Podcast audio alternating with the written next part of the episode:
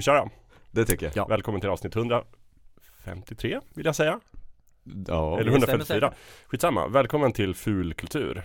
Mm. Mm. Mhm. Idag så ska vi ta upp fenomenet antihjältar. Mm. Missförstådda eh, individer. Mm. Eller eh, ett steg ifrån nattsvartskurkar. Vi vet inte, vi får ta reda på det Mm. sen. Men eh, det är kul att se er i alla fall. Hur mår ni? Bra! Bra! Vi sa det tidigare, vi eh, spelar in lite tidigare än vad vi brukar göra. Ja, förmiddag. Förmiddag. Aldrig varit i Precis. Historia. Detta är Nej. nytt. Mm. Så jag hetsdricker kaffe just nu för att, För att komma igång. för att komma igång. Jo. Nej, nej det, inte alls. Men eh, det känns eh, spännande. Nytt på något sätt. Ja, Ändå. eller hur? Fastän Mm. vi sitter i samma studio, Mm. samma ansikten det. men Det är ju det nya normala nu dock att vi sitter i samma studio. Mm. Eh, Efter de här svåra pandemiåren så är det Ja. det här det nya normala. Men, och det hoppas jag att uh, lyssnarna uppskattar. Mm. Lika Ja. mycket som vi Det uppskattar hoppas det. jag också. Ehm, Det är någonting annorlunda med att, att faktiskt ses öga mot öga. Ja, det blir Mm. mycket varmare och bättre ljud. Ja, Precis. tycker jag. Så är det. Hur mår du Levet? Jag mår bra. Ja. Mycket bra. Och jag du- mår bra. Ja. Då är det tre bra och ingen dålig. Skriver vi upp det här. Eh, Protokollet. vad har ni gjort sen sist? när var sist? Ja, det var ju en månad sedan ungefär. Ja, och då snackade vi om, eh, Oavslutade verk precis, och eh, skaparnas eventuella ansvar att avsluta dem. vad fint att jag måste fråga dig om mitt avsnitt Kanske jag kommer fråga om det här avsnittet nästa gång. Vad gjorde du förra gången? En månad sedan alltså Okej, vill du börja Lövet? Eh, jag kan börja. Eh, nu, jag minns inte om jag pratade om eh, vilka tv-serier jag har tittat på förra gången. Men jag och eh, föräldrarna eh, snubblade in på, eh, för, av, av en helt eh, orelaterad anledning så bör, skaffade vi ett eh, Paramount Plus-konto. Vi skulle kolla, kolla på någonting där och sen så när det, när det var avklarat så tänkte jag, ja men jag ändå betalar för den här så ska vi titta på någonting annat. Vad, finns det för vettigt här? Eh, Eller så avslutar du. eller så avslutar man. Men även ändå betalas för månaden, då ja, måste ja, jag använda den tiden. avslutas inte förrän. Eh, så tänkte jag, ja, men Halo det går ju fet bort med föräldrarna. Eh, så jag tror inte de kommer uppskatta det.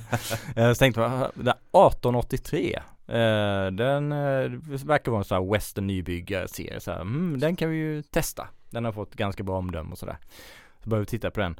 Och den är ju fantastisk. Mm. Jag, jag får en déjà vu som om jag har pratat om det här innan. Jag tror inte det, men du har sagt det i, i antingen i Discord-kanalen eller i Slack-kanalen. Ja, det kanske jag har tror gjort. att det har nämnts. Ja, för det är ju det är med Sam Elliott Mm. och Tim McGraw och Faith Hill och eh, diverse andra. Jättebra skådespelare. Och det är väl en prequel-serie då till den här andra Yellowstone. med, med Kevin Ja, Ah just det, Costner. Kevin Costner, Yellowstone. Precis, Just det, Yellowstone. Eh, Den här, den här, det, det här är ju under nybyggartiden då, ja, 1883, så den Mm. utspelar sig i slutet på 1800-talet.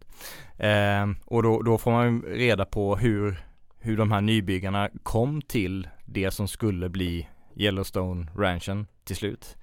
Eh, och det, den är jättesnyggt gjord, eh, bra berättad, eh, Sam Elliott är alltid helt fantastisk. Men Tim Speciellt i den där miljön också Ja, det, det, oh kan ja. inte bli så, det kan inte bli så fel med den mustaschen Han är ju urtypen för uh, den där eh, luttrade cowboysaren. Eh, och det är ju Taylor Sheridan som har gjort den serien. Okej. Och jag tror han har skrivit den tillsammans med några andra också. Mm. Och det är han som har gjort uh, Yellowstone också. Och väldigt imponerad. Och, men det är ju bara, jag tror det är tio avsnitt och sånt där. Men sen när vi tittar på det, men nu måste vi titta på Yellowstone också. Oj, oj, oj. Eh, och det är ju fyra säsonger som Ja. finns ute. Eh, och den är också helt fantastisk. Ja. Eh, jag är lite mer förtjust i western nybyggar eh, settingen. Mm. Så jag, jag gillar nog 1883 lite mer. Mm. Men, eh, men Yellowstone är ju också helt fantastisk. Eh, Kevin Costner är ju väldigt bra i den rollen. Eh, en, dottern, den här rebelliska eh, dottern som eh, har en tendens att eh, prata på ett sätt som pappan kanske inte tycker om sig jättemycket. Ja. Eh, och sen och så har de ju sina, eh, sina cowboysare där på ranchen som, eh, som sköter eh, både driften och eh, hanteringen av oönskade element. Eh, den, den är också jättebra och Kelly Riley, hon som spelar dottern, hon är fantastisk i den serien. Mhm. Jag har sett den i annat, eh, vet jag, men den här, när jag såg den här serien tänkte jag verkligen, hon är ju skitbra. Mm. Liksom, Jag måste kolla upp mer saker hon har varit i, för det är, hon är ju verkligen dunderbra. Ehm, Och sen eh, när vi kollar klart de fyra säsongerna så tänker vi, ja men det finns ju en till serie som Taylor Sheridan har gjort. Mayor of Kingstown, så bara, då måste vi börja titta på den. Var det också på Paramount Plus? Eh, ja, Ja, oj oj oj. eh, så nu börjar vi, för pengarna. så igår började vi titta på Mayor of Kingstown också. Så vi har bara sett ett avsnitt så jag kan Det inte säga känns så ändå mycket som om att den det. här historien kommer sluta i och sen började vi kolla på Halo. Och så bara föräldrarna bara, men Det det, är det här Paramount det är bra grej ändå. Eh, alltså det, så det har varit mycket Taylor Sheridan eh, tittande Ja. på senaste. Mm. Och sen eh, spelar jag klart uh, Xenoblade Chronicles 3. Det pratade jag om förra gången vet jag Ja just det, precis. Eh, Mm. 145 timmar blev det. Höll det hela vägen? Eh, ja, det gjorde det. det blev, sidouppdragen blev lite eh, repeterande, eh, repetitivt på slutet där men själva huvudberättelsen och det tekniska prestationen, allting, musiken, jätte jättebra. Så jag är supernöjd. Eh, och sen så funderar jag på vad ska jag spela härnäst? Eh, och så funderade jag ett tag på The Quarry, det här skräckspelet. Men sen så, eh, så såg jag en förhandstitt av eh, Nya Halo. så bara, nu måste jag börja titta på serien. Eh, nej, eh, det här um, Plague Tale Requiem, Ah, nästa spel. Ja. Och jag har ju inte spelat Innocence första. Mm. Men eh, när jag såg den förhandstiteln så var jag väldigt positiv så tänkte jag, men Gurra har ju pratat mycket gott om eh, Plague Tale. Och framförallt eh, Jocke har gjort det. Ja, Våran förra mm. kollega. Just det, före detta FZ Jocke. Exakt. Före detta Mm. kollega. Mm. Mm. Numera bara Jocke. och så såg jag att eh, det finns ju en, en typ en HD-remake, vilket är lite lustigt för jag tror originalet 20 var HD också. Känns som att det går lite troll i det där. Ja. så bara 720p var det inte det? Ja. Men i alla fall så Det är TV-HD, det är inte riktig HD. Nej, nu är det precis, full precis. HD, fast de vill inte skriva ut det. då är det 4K i HD. Just. Men eh, då, då, de har ju släppt en sån eh, HD remaster typ Mm. till eh, PS5 och Series eh, Mm. konsolen och sådär. Eh, och jag blev, dels gillar jag spelet väldigt mycket. Eh, det är ganska kort, jag tror jag började lite smått i, i, för, i förrgår. Och Ja. spela lite igår och jag är redan mot slutet. Det är väl egentligen det och jag hoppas att det är ett fall av eh, en, en typisk sån uppföljare som första Uncharted till Uncharted 2 eller Mm. ta något annat där liksom ambitionsnivån gånger 10 Mm. för att Plague Tale det är väldigt snyggt paketerat Plague Mm. Tale Innocence första men det är ju lite samma tre spelmoment och Ja. längden är ju inte heller man kan, man kan spela det på en helg liksom. Men så, å, å andra sidan så jag tycker det, det hinner ju inte bli eh, repetitivt heller. Det är ju ganska bra eh, Ja, temposättning precis. i spelet. Mm. Och berättandet är ju, det, är- det är ganska unikt både i det man gör och den typen av berättelse det är. Ja. Så, så det, det känns väldigt uppfriskande att, att spela det. Och så nu har jag blivit lite peppad för Requiem också. Vi ska inte säga för mycket men bara för folk som halvt minns det här nu när vi pratar Mm, om det. som det, är, det är under pestens tid i Frankrike. Mm. Om man spelar en stora syster som ska Just det, guida ja, sin ja, ja, lillebrorsa ja. där Mm. och Mm. inte falla offer för sjukdom Mm. och galna riddare Mm. och Och det är någonting speciellt med den här lillebror som, som man inte vet i början. ja, han är inte helt klar i, i, Klar i knoppen. klar i knoppen. Fattar. precis. Men vilken setting. Ja, Ja, oh ja. fantastisk. Och jag jag tycker att den här HD-uppdateringen som de kallar det, att den är förvånansvärt rejäl. Mm. Jag trodde att det liksom skulle vara en tillputsning för att det skulle rulla på de nya konsolerna men det är faktiskt imponerande uppgradering de har gjort där. Mm. Ehm, och eh, ja, och det, det är ju som det, jag, när spelet släpptes och jag såg lite förhandsvisningar och, och videoklipp så såg det ut som att det skulle bli en, eh, att man skulle lotsa den där grabben genom hela spelet och så här, mm, det brukar ju inte vara jättebra i spel sådana saker men det är inte jättemycket och de sektionerna där man gör det, det Visst det kan hända att eh, ens följeslagare hamnar i trubbel när man Mm. inte vill det men det är inte ett jättestort problem tycker jag inte. Nej. Nej, du var rädd att det skulle vara ett enda sånt långt escort mission. Japp, japp, japp. Det var jag, det var därför jag inte spelade från början. Men eh, nej, det är eh, tummen upp till din rekommendation där för det är, det är verkligen jättebra. Mm. Eh, det kan jag rekommendera alla som har de nya konsolerna eller en vettig spel-PC och faktiskt Mm. ge det en chans. Och har man Xbox Game Pass, heter Mm. det väl, så har man det väl där också. Liggande. Då är det jag bara tror att det. trycka på en knapp Ja. så kan man spela det. Yes. Så ja, men det är väl i huvuddrag det jag gjort sen sist. Fint, fint. Ja, Ja.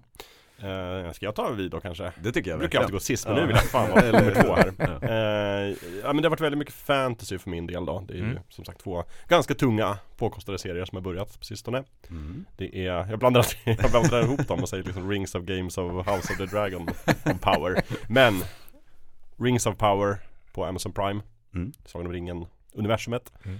Eh, för som de säger inte är liksom en, en riktig prequel till filmerna men det är det uppenbarligen. Alltså Mm. de har ju verkligen så här ansträngt sig för att det ska vara konsekvent. Mm. Exakt. Och de har väl inte rätt till ut. allting. De har inte rätt till allt och de vill kanske inte liksom så här, alltså de vill nog vara lite fristående men det är ju exakt, alltså de har ju inte Nej, jag kan inte se något som har brutit mot liksom illusionen av att det, detta skulle kunna vara samma värld liksom. Nej, det, det är inte en våldsamt ny tolkning Nej det är det inte och det är inte så här alltså, att, åh, nej Och jag, alltså scenografin känns också som att så här, när de är i. Moria så här, bara, men jag har ju tagit samma och byggt en Mm. ny eh, port som ser likadan ut och sådär Jag vet inte, det känns väldigt så här fanservice på det, Det sättet det är inte en Stanley Kubricks The Shining så bara, nu tar Ja, jag nej, nej. grundmaterial, sen typ inspirerad av det. Inte så, utan det känns ju mer som att de utgått från eh, boken då Ringens Värld eller appendixet till Mm. Sagan ringen som de har haft rättigheterna till Men eh, liksom tittat några gånger på Peter Jacksons filmtrilogi och tänkt Mm. att någonting i den här stilen Sådär eh, Och sen den andra då House of the Dragon som är George R.R. Martins prequel-serie till Game of Thrones eller Song of Ice and Fire som vi har pratat åtskilliga gånger om Mm, Bland ja. annat i förra avsnittet Exakt. Kul Mm. att det har kommit fyra avsnitt nu sen det avsnittet. Jättekul! Och jag måste säga, jag trodde ju att jag var så trött på fantasy överlag Mm.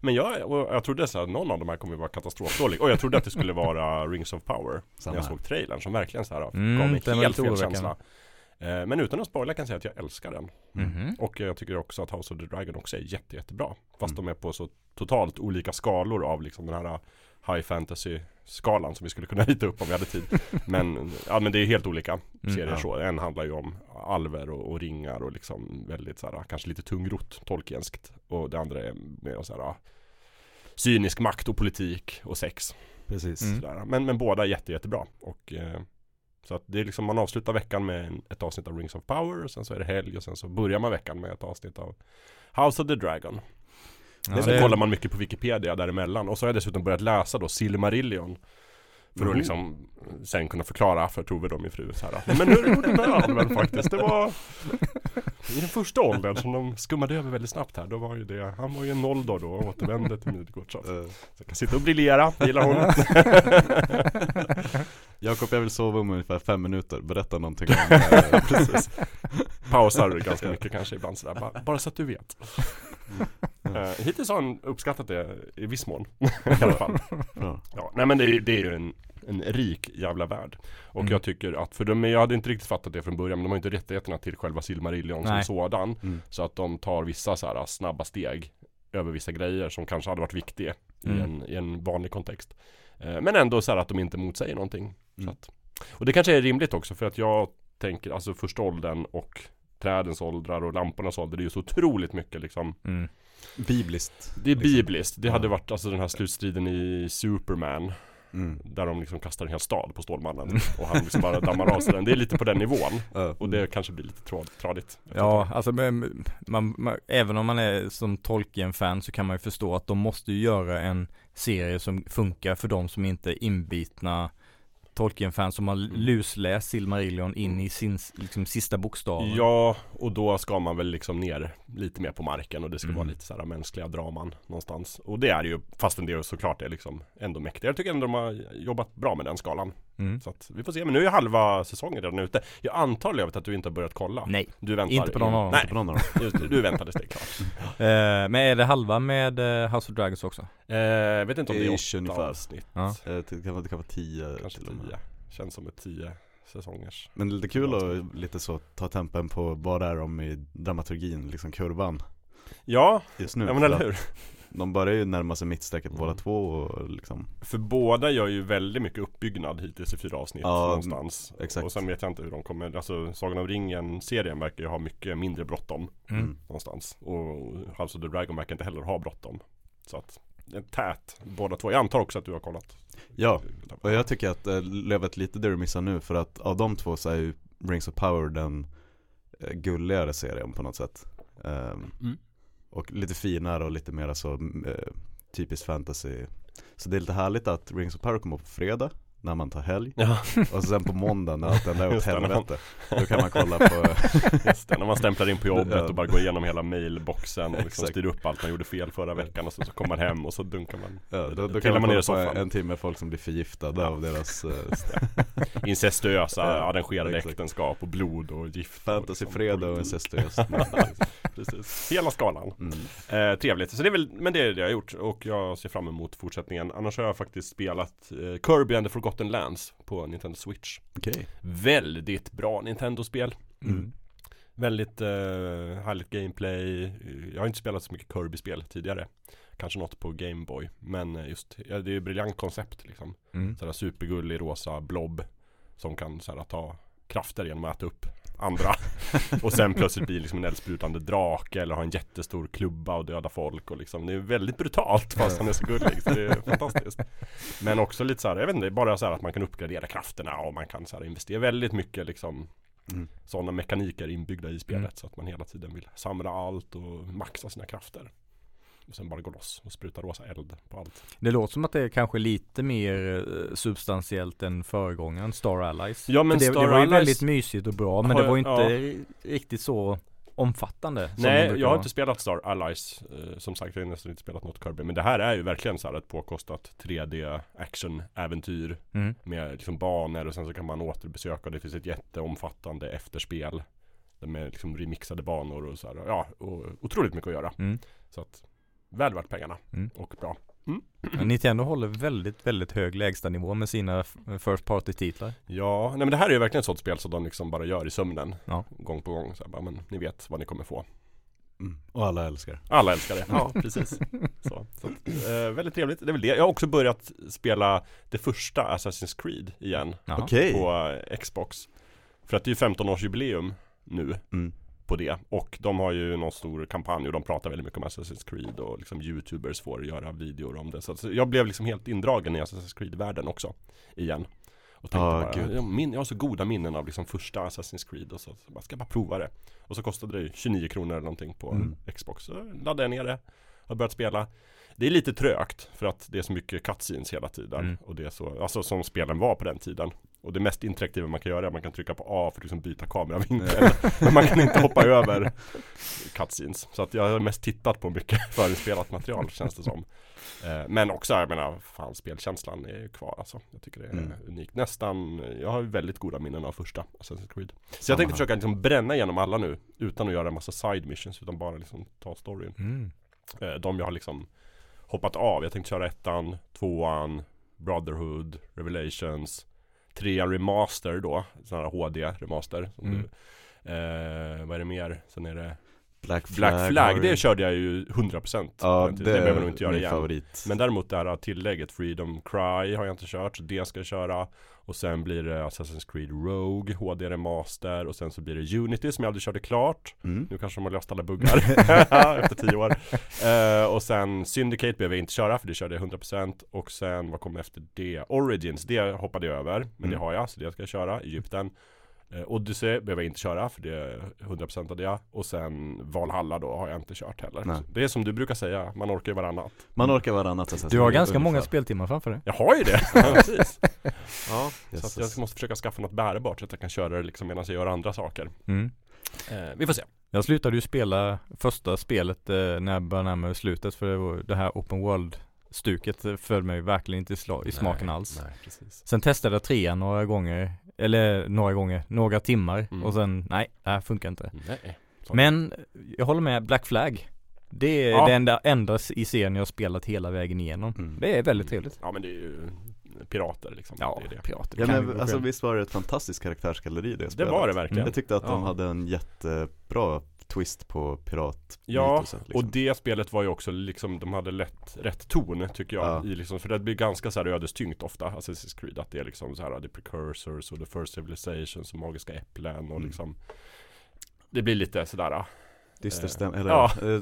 blodallvar Och här var det bara, nej men jag vill vara pirat Ja. Så, det. så det gillar jag Kul, och så har de ju presenterat, jag vet inte, hundra nya Assassin's Creed-spel De kommande Ja. decenniet så att vi kommer ju drunkna i Assassin's Creed Men det nya då, Assassin's Creed Mirage Verkar ju Mm. bli lite en mindre godbit är tillbaka till rötterna Hyllning till första spelet Precis. eh, Gillar jag, så det var det jag har gjort Eh, och du då Gustav? Det var ingen dålig skörd alls. Nej. Jag tror nästan att det är jag som, eh, jag ligger lite illa kulturellt. Eh, House of the Dragon och eh, Rings of Power. Mm. Eh, där kan väl jag säga att av de två föredrar jag nog House of the Dragon. Mm. Men det är nog mest för att jag är så, eh, jag är så förvånad över mig själv. att jag ser fram emot mera Game of Thrones. Ja, liksom. Eh, största är chocken. Största chocken Ja. någonsin. Eh, men det tycker jag är jättebra. Eh, castingen framförallt eh, överlag. Jättehög nivå. Ja, verkligen. Eh, för när det första, när det började bubbla där, så här, Matt Smith ska spela Mm. Targaryen, då tänkte jag Precis. ja, ja, Matt Smith är allt nu liksom. Och, eh, men framför allt så tycker jag att eh, Paddy Constantine som Viserys, kungen i Mm. serien, jättebra Ja, jobb. ja Eh, för annars, jag kommer alltid ihåg, just det, det är ju han som är med i The Born uh, Ultimatum i början och spelar någon murvel på någon Yes. tidning i London. Som blir indragen Mm. way over his head. Just det. Ehm, och så sen så tycker jag att eh, ehm, Spike från Notting Hill som Otto Hightower, Just det. det politiska djuret, han är eh, riktigt, riktigt bra. så, så, ja. så mycket gamla engelska Ja. ansikten som dyker upp. Exakt. Det är fantastiskt. Eh, Jonas Törnqvist, Sveklockers, han hade ju inte tagit den kopplingen att det var Spike från Notting. Hill och så berättade jag det i slag. så jag blev alltid irriterad. Det är just det, det är han. Eh, Så när man väl har sett det är det svårt att Ose det. Att det är tur att han är så övertygande ändå som Otto Verkligen. För att annars är det lite en brist. För det var ju lite så jag kände med Matt Smith också. Kommer man bara bara, se liksom ja, The Crown För jag tyckte han, han funkade in, han var ju med i åtta sekunder i eh, Terminator Genesis Just också, ja. som ond. Och då tänkte jag, då köper jag inte det för att han inte liksom kan göra det. Han fick inget utrymme. Mm. Men sen var han med i The Crown och var liksom en lagom sympatisk Jättebra Prince Philip alltså. Verkligen eh, Annars är han ju Doctor Who Men just så här, det är väl något Jag tycker också det är samma sak med han den andra Doctor Who eh, Tionde Doktorn, vad heter han? David Ja. Tennant Precis. Som spelar en så otroligt bra Purple Man i Jessica Jones Mm. Så här riktigt hemsk onding Mm. Mm. Och Nionde Doctor Who, vad heter han? Christopher Eccleston Ja. Han spelar ju också någon sån här riktig skurk Jag tänker inte på han i Dark World där han spelar liksom ond svartalf För där är jag inte så imponerad Men det är något annat han gör som är så hemskt Men de verkar vara bra på att spela skurkar i alla fall Mm. Engelsmän, Kanon. det är det jag menar Verkligen, verkligen. Och så Eh, även Spike Men det är, det är också kul att de lite går omlott eh, när eh, han som tog över nu som Prince Philip i The Crown mm. är ju eh, Tobias Menzies. Just Och det var han som spelade lite comic, comic relief eh, farbrorn i Game of Thrones. Just det, Den inte så kompetenta Nej, precis. Han som missar eldpilen när de ska ha så här begravning ja. Eh, alltså det är kul att se. Eh, det, förresten, eh, Nanna Blondell kommer ju att komma in i House of Dragon också. ah, just det När, När de äl- blir äldre när de blir För äldre. de kör också den grejen att de byter skådisar för nu har det gått tio Ja. år eller någonting Mm. sådär. Mm. Ehm, så det ser jag fram emot. Eh, med lite Mm. Sverige rep- represent i, i de uh, fantasy-finrummen liksom. Men det känns också som någonting som står i liksom avtalen nu för tiden Att ska du göra en påkostad fantasy-serie du ska ha minst en svensk Mhm. med Så är. Så är det. Oavsett om det är Wheel of Time eller House of the Dragon eller det fladdrade förresten förbi på Reddit. Eh, vilka är de bästa, liksom, någon som bara dyker upp från ingenstans och stjäl showen liksom Mm. i en film eller serie. Och då säger han den där, eh, den där skandinaven som var björn i fem minuter i The Hobbit. han, han var för jävla rolig. Ja. Michael Persbrandt Michael. Persbrandt. Se även vårt avsnitt om svenskar i Hollywood för Ja, mer, ja. mer svenskar Mm. kan vi rekommendera Yes. Ja. Eh, nej men så, eh, de kollar jag nu, fredag, måndag som sagt. Um, halvvägs in i båda. Så det, det följer jag med spänning. Skönt att ha igen några sådana fasta hållpunkter. Och den dagen kommer ett avsnitt av det Precis. och den dagen kommer det. Liksom. Ja, och jag måste ändå slå ett extra slag här nu för liksom veckovis release ja. Jag älskar tempot, sorry Lövet, jag vet att det är inte din filosofi men det är liksom den religionen jag lever efter att Mm. Mm. det, är, det är fint att Men- se ett avsnitt och sen vänta en vecka och så fundera och smälta det och sen se ett nytt För ett par år, i ett par år så tappade man verkligen det där eh, varje onsdag ett nytt avsnitt av Lost på Mm. fyran. Ehm, det är skönt att vara tillbaka. Ja, och det är liksom min veckorutin är ju så här att jag, det kommer ju sådana avsnitt nästan varje dag liksom. Det är ju fredag såklart och så måndag och sen Mm. kommer det alltid något Disney på, ha äger onsdagar Och ibland tisdagar och så är det torsdag kanske inte kommer någonting. Men då har man ju alltid de här backloggen av, av avsnitt man kan Exakt. bränna igenom. Och sådär, så att, mm. Sätter sig ner och tänker, mm, Halo på Paramount. Precis, kanske dags att kolla in det. Jag betalar gärna för tjänsten. Mamma, pappa vill ni spela lite Halo innan? Det skulle vara så roligt om du kunde livestreama när du spelar Halo med dina föräldrar. Jag skulle verkligen vilja se pappa Ja. ta sig an en handkontroll av något slag. Det. Det, det kan Man vara har den på bordet tänker jag, och så trycker den så för att skjuta liksom. Ja. Det skulle verkligen, om, om, om vi någonsin får för oss att gå Patreon-spåret så kan Mm. det vara USPen Just det, precis. Betala extra för att få se Lövet Vinna över sina föräldrar i Halo. Sitta och skratta åt sina föräldrar.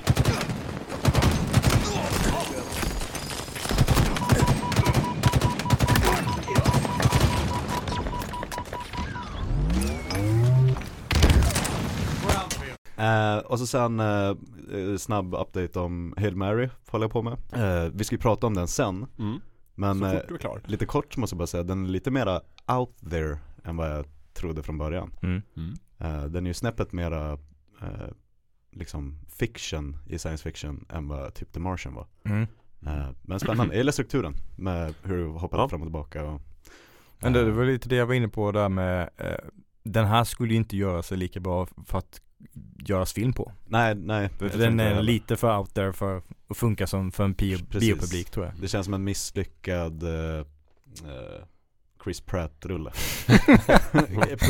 som Prime Ja. Chris Pratt-rulle. Ehm, Men, eh, ja men det gjorde jag ju förresten, jag såg ju den The Terminal List med Chris Pratt Ja, ja, på jag Amazon. Alltså han är ju jättecharmig men jag är spyless mannen Ja. Han är ju med i allt Mm. och jag har ju tagit, tagit avstånd från Jurassic Park-filmerna nu. Eh, Du ska inte se Super Mario-filmen på grund av det. Nej, kanske inte. Ehm, De går ju lite omlott, antingen säger jag less på Chris Pratt eller Ryan Reynolds. Det beror på vem som Ja, har ja, flest, flest projekt. Ett, ett, det givna året. Men, Men- eh, Men jag tänker Chris Pratt, hans karriär ändå. Alltså jag tänker att om han nu tog ett eller ett och ett halvt år off ja, och sen kom han tillbaka. Fan vad alla skulle älska då hade folk Mm. skrikit Alltså, för det är verkligen så här att han är överanvänd nu. Men liksom om man bara liksom drog sig tillbaka ett år och sen Ja, nu kommer nya filmen, jag är tillbaka. Alltså och vi bara åh Chris. han har, han har, han har sån otrolig Brendan Fraser potential Mm. Eh, Men han måste bara ta det lugnt Mm. ett tag, andas lite Är Brendan Fraser Fulkulturs liksom skyddshelgon? För jag tycker vi nämner honom Ja, i alla avsnitt. Speciellt och utanför avsnitten väldigt Ja. ofta. Och i chattar. Ja men det, det finns någon charm i hans, hans glädje över att vara tillbaks och eh, hur glada alla är att ha honom tillbaks. Mm. Det, det, det, det smittar av sig. Det är svårt att inte bli glad för hans skull Mm. på något sätt. Han blir ju började gråta i någon intervju när hon från Huffington Post eller vad det är säger typ Du vet väl om att hela internet älskar dig? Tar han av sig cowboyhatten och torkar, torkar en tår Ja, ja. Det, jag kommer inte ihåg vad serien heter nu men han är ju så fantastiskt bra apropå cowboyhatt. I, här, äh, Trust Om, eh, Ja. exakt Ja, exakt. Han spelar ju någon typ av fixer Ja, Lite precis. såhär Mr Wolf ja, för ja men verkligen. Så här, nu har något gått snett här. Bara ring in mig. Jag tar jättemycket betalt. Men jag ordnar era problem. Åh, Vad bra. heter den familjen? Ehm, för det är ju baserat på ja, precis, verkliga jag, händelser Jag kommer inte ihåg. Men vi har tipsat om det tidigare. Sonen i någon av de här liksom eh, engelska Vanderbilt Eller amerikanska storfamiljerna Mm. Blir kidnappad i Italien typ. Och så sen så spelar Donald Sutherland Pappans, eller så familjens överhuvud. Och Brendan Fraser är ju otrolig som någon typ av Åk ner till Italien och fixar Styr upp styr upp där liksom. Snacka med maffian. Eh, Ja. Fan riktigt bra serie, om man har missat den Hoppa Getty, tillbaka Getty Oil handlar det om Getty, där. just det Familjen Getty. Mm. Okej, ja jättebra. Ja, ja. Men hörni, nu har vi ju Yes. ett eh, ämne att prata om. Det har vi. Eh, Och som man ser vad avsnittet heter så handlar det om antihjältar. Det är också en sån här liksom bra topic som vi har, ska beta tag i. Och Mm. jag lämnar över fanan till dig Lövet, för det är du som har kommit indragandes med den här idén i studion. Ja, Och du ska få eh, det är mitt fel. utveckla, ja precis, utveckla frågeställningarna Ja. och ämnet. Eh, ja, min, min tanke, där, tanken till det här föddes egentligen när jag kollar på tredje säsongen av The Boys. Eh, och började tänka, ja men nu, nu är ju antihjältar i ropet igen. Eh, och så men, men var kommer antihjältar ifrån? Vad har, vad har jag för förhållande till antihjältarna i, i populärkultur och vad har vi för eh, förhållande till antihjältarna i populärkultur. Och så började jag titta, fundera igenom så här, vi- vilka, vilka verk har jag tittat på, Mm. läst, spelat under åren som, som eh, klassar in som antihjältar i, i någon protagonistroll. Eh, för an, eh, det, antihjältar har ju funnits i en slags fienderoll, i eh, skurkroll i, i verk tidigare. Men eh, när, när antihjälten tar plats i, i huvudrummet, eh, det, det har inte varit lika vanligt. Mm. Men så börjar jag fundera på men vad, vi- var kan man spåra de tidigaste antihjältarna tillbaka? Och de har ju funnits med oss Länge, ganska länge. länge, Mm. kan man ju säga. Mm. Ehm, och det, många, många gånger när man lä, när läser om antihjältar så, så nämns Citizen Kane. Eh, Charles Foster Kane som Mm. en, en, en tidig antihjälte. Ehm, och eh, den filmen släpptes ju 1941. Orson Welles eh, episka verk. Ehm, och och det, den, dels släpptes det ett antal årtionden innan jag föddes. Eh, så eh, min, min, min syn på antihjältar färgades av det som fanns när jag växte upp. Och det var ju Clint Eastwood, Mm. Dollartrilogin. Eh, men och, och tittar man på det ur den tidens perspektiv så, så var väl eh, Charles Foster Kane en, en, en sorts antihjälte. Det är ju, han är den här mediamogulen som kan eh, påverka politiken och han har en, en eh, älskarinna vid sidan av sin fru som man kan liksom tycka att han, han agerar lite tveksamt Mm. eh, moraliskt tveksamt kanske. Och det, det är väl och det, det är väl lite det jag ser som en av grundbultarna i vad som, vad som är en, en, en antihjälte. Mm.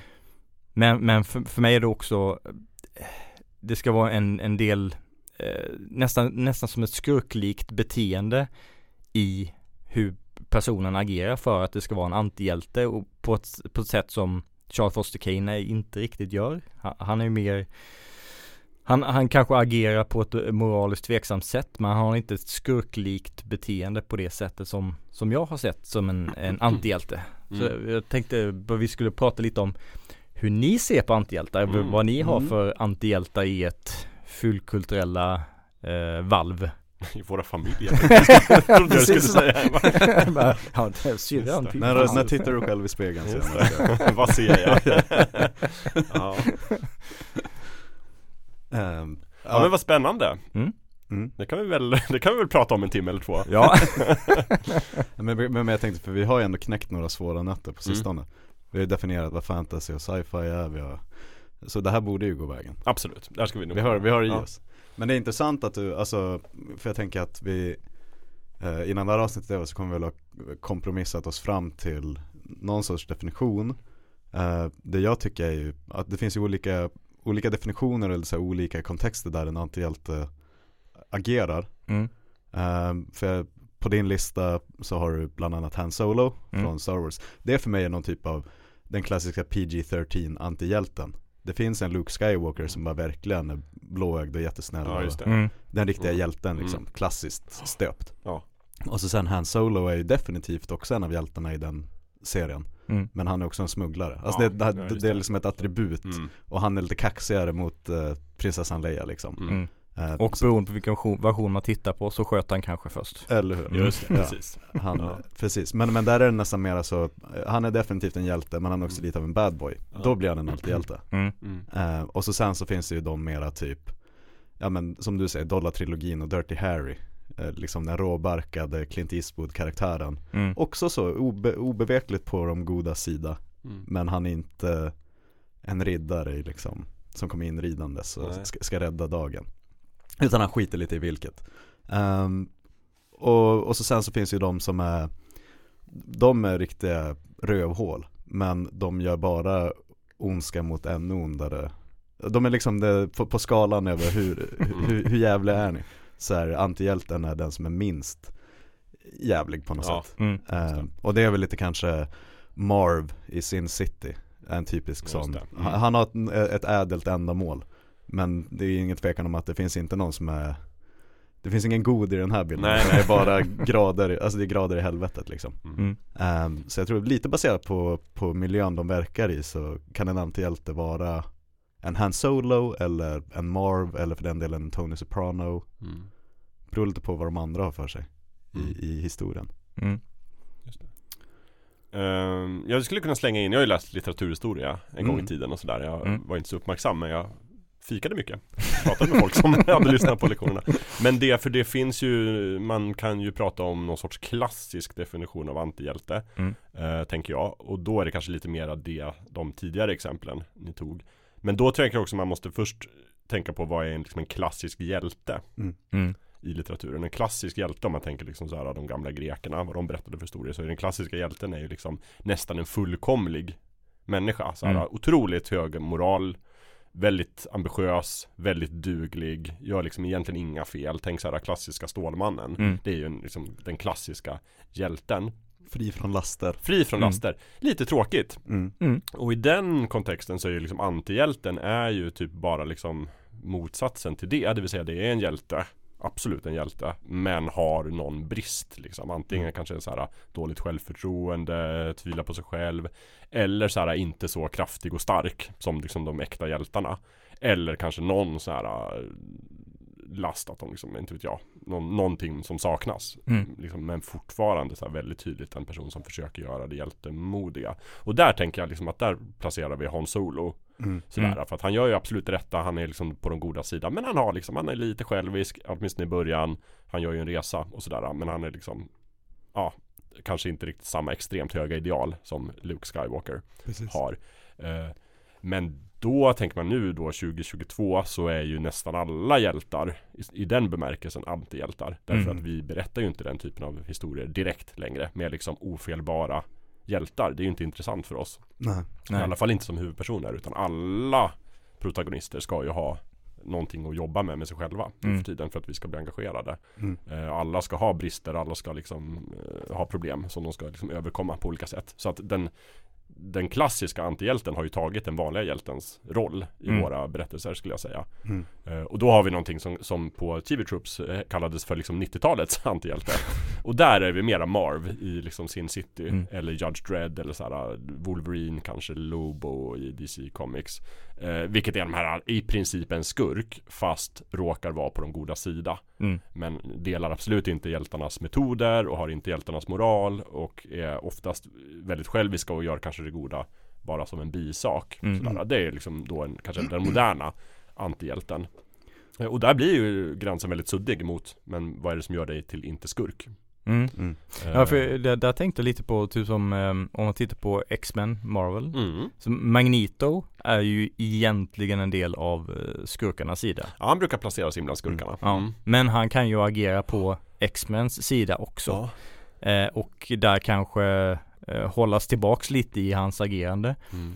Men han är väl mer en skurk som ibland kan samarbeta för det goda ändamålet. Ja. Eller, eller han kanske samarbetar för det egna ändamålet och det innefattar Mm. att vara med på de goda sidan. Det där är ju intressant för där är det också så här Det har ju skett också då kanske någon sorts utveckling av vad är en skurk Mm. För att alla skurkar är ju inte som liksom Melkor i, i Sagan om ringen Som vill liksom förstöra och förinta allt skapat Bara Nej. för att han hatar det så mycket Det är ju liksom en väldigt Mm. klassisk skurk eh, Jag vill bara förinta Mm. eh, Jag hatar alla människor och allt som finns i evighet, amen Mm.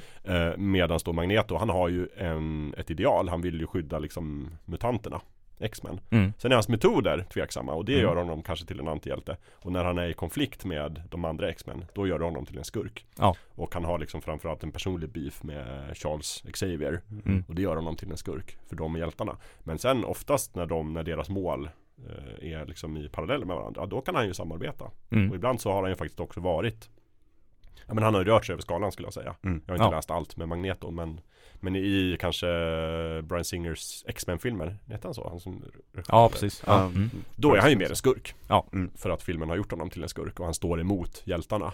Eh, Medan i de senare serierna så leder han ju, han har ju tagit över skolan och liksom så här, verkligen är i alla fall en hjälte för mutanter. Mm.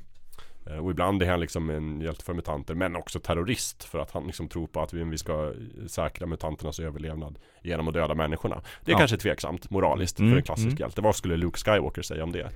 Han skulle inte vara okej med det liksom. Eh, Men det är intressant. Annars är väl så här, den klassiska tycker jag liksom nästan så, alltså protagonisten som i princip är en skurk är ju Dexter, tänker jag annars. Mm. Mm. Tv-serien Dexter. Som är seriemördare. Och där de verkligen leker med den hela tiden. Att men du gör skurksaker. Men du försöker vara hjälten. Mm. Och liksom gräva in där. Och där är det liksom så här, hur mycket längre kan man gå egentligen eh, för att ha en protagonist som egentligen är en, en antihjälte? Jag vet inte. Men, och där tycker jag verkligen att det, jag tror det var något som kittlade många kreatörer att så här, åh vi ska få dem att heja på en seriemördare. Ja exakt. Och, och när man ja. tittar på Dexter så är det lite pirrigt att så här, varför, varför klappar jag varje Ja, gång han De sa ju liksom challenge accepted Ja. till sig själva och så Mm, skrev det. Exakt. Ja. Eh, Och det är också så här, jag kan ju tycka att de, den kittlingen var störst i början För sen blir det också så här Ju vidrigare och hemskare andra mördare som han Mm. mördar Desto mer hjälte blir han ju så Mm. Det är liksom väldigt svårt att liksom inte heja på honom Gentemot Trinity Killer eller liksom de här andra Fantastiska rena skurkarna som de har i den serien Men och det är det jag menar, Ja. hade han bara fångat liksom 7-Eleven Ja. stick-up men Ja, efter ett tag kan man fundera, jag vet inte fan alltså. Ja precis så, Om det är det. Ja, Eh, Så, så där är det verkligen att han fångar Mm. the bigger bad ja ja, Eh, Så då, då, då kommer han undan med det han gör. Sen tycker jag också att det som, eh, jag minns, vi hade någon sån svenska nationella och då får man ju lite sådana Du kan börja här någonstans och säga att det här var 2010 typ, så det är ju under Breaking Bad när det går på tv mm. Och då tror jag att de lyfte just att så här, Walter White är den moderna typen av Jag tror de sa så, Walter White och Don Draper i Mad. Men Det är de här eh, dåliga människorna som Mm. vi hejar på i dagens eh, lite mer nyanserade gråzons tv-serier Mm. Eh, Men jag skulle säga i båda de fallen och speciellt Breaking Bad Det är ju på något sätt det det som har blivit väldigt poppis där i säsong ett så kan man väl ändå säga att Walter White han är en antihjälte eh, Som dras in i liksom en, en mycket mycket farligare värld än vad, än vad han är liksom Mm. Eh, Men att Det jag tycker att man ser så ofta nu för tiden de senaste 10-15 åren Är ju den här liksom Michael Corleone eh, karaktären Mm. Som börjar som antihjälte men i slutet så finns ingen tvekan om att Du är inte längre en antihjälte, du är en skurk Mm. och, Men du råkar vara protagonisten så vi följer ur ditt perspektiv Mm. Men om man fortfarande hejar på Walter White i slutet av Mm. Breaking Bad så eh, Liksom Mm. Så, så det, det tycker jag verkligen att man ser oftare. Det är liksom lite samma sak i The Boys, att det, det är hela tiden någon typ av Okej, vi är antihjälte men de flörtar hela tiden med Kommer de att trilla över Mm. på riktigt Mm. till en punkt där man inte längre vill att de ska lyckas med det de har satts ut för att åstadkomma liksom. Just det. För det är ju, det var intressant att du sa det där med just med utvecklingen. För det tycker jag också är en väldigt viktig del av om en person är, liksom, vart går gränsen mellan skurk och antihjälte. Mm. Det handlar mycket om deras liksom, utvecklingskurva. Jag tänker att Mm. en klassisk skurk brukar inte ha någon sån, utan den existerar i verket bara för att vara skurken. Mm. Och efter tre säsonger så är den fortfarande skurken. Och det har inte hänt så mycket. Medan en antihjälte gör ju Hans Solos resa liksom. Det börjar kanske mera som en skurk. Eller, Mm. L- o- lite mer osympatisk. Lite ja. mer osympatisk, Ja. men går ganska snabbt över till liksom, tar ställning Mm. för liksom den goda saken. Och sen börjar den jobba med sina personliga grejer. Så att efter liksom tre, fyra säsonger så är det en riktigt mysig person. Mm. Mm. Eh, och det här är ju Toves och min frus favoritkaraktär i alla tv-serier liksom. The bad boy med ett hjärta av guld. The scoundrel. Ja precis. The Scoundrel som ändå någonstans gör det rätta. Sawyer i Lost till exempel. Mm. Ja, liksom. där har Sjukt osympatisk i början. Men absolut en av hjältarna i slutet liksom. Ja. Mm. Eh, Så att det, och det, den resan är ju vad vi liksom oftast kommer för när Mm. vi kollar på TV. Mm. Eh, och sen kan man såklart skurkar också göra den utvecklingen, tänker jag. Eh, men då skulle de ju kunna gå över och närma sig åtminstone liksom och bli antihjältar i Mm. så fall om de liksom, någonting händer. Eh, som, eh, jag vet inte, Team Rocket i Pokémon till exempel. Där, nej men de, de utvecklas ibland. Liksom, de är inte så nattsvarta som de är i början. Nej, de är väldigt osympatiska tycker jag. Eh, vi håller på att kolla igenom nu Pokémon Indigo League, första Pokémon-serien. Okej. Med min femåring. Jag är mycket in, in, investerad i det känslomässigt. Mm. Eh, väldigt mycket känslor Mm. eh, för Pokémon. Och jag har inte sett den tidigare men jag tycker den är ganska bra.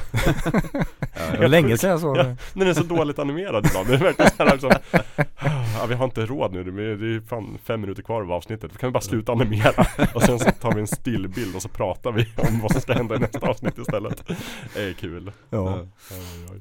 Nej, Men jag funderar också på det så, som du var inne på tidigare där med att en, en antihjälte är ju någon som agerar för ett, ett ändamål som kanske är bra för, för den, den personen, den karaktären. Men det kan drabba andra människor på ett sätt som en hjälte inte ska låta andra människor drabbas av den egna agendan. Mm. Mm. Eh, och, och där tänkte lite på hur, hur det har utvecklats eh, som, som jag var inne på tidigare. När jag, när jag växte upp så var ju eh, Clint Eastwood, eh, Dollartrilogin, d- den typen av filmer. Det, det var ju det var den definitionen av en antihjälte som jag växte upp med.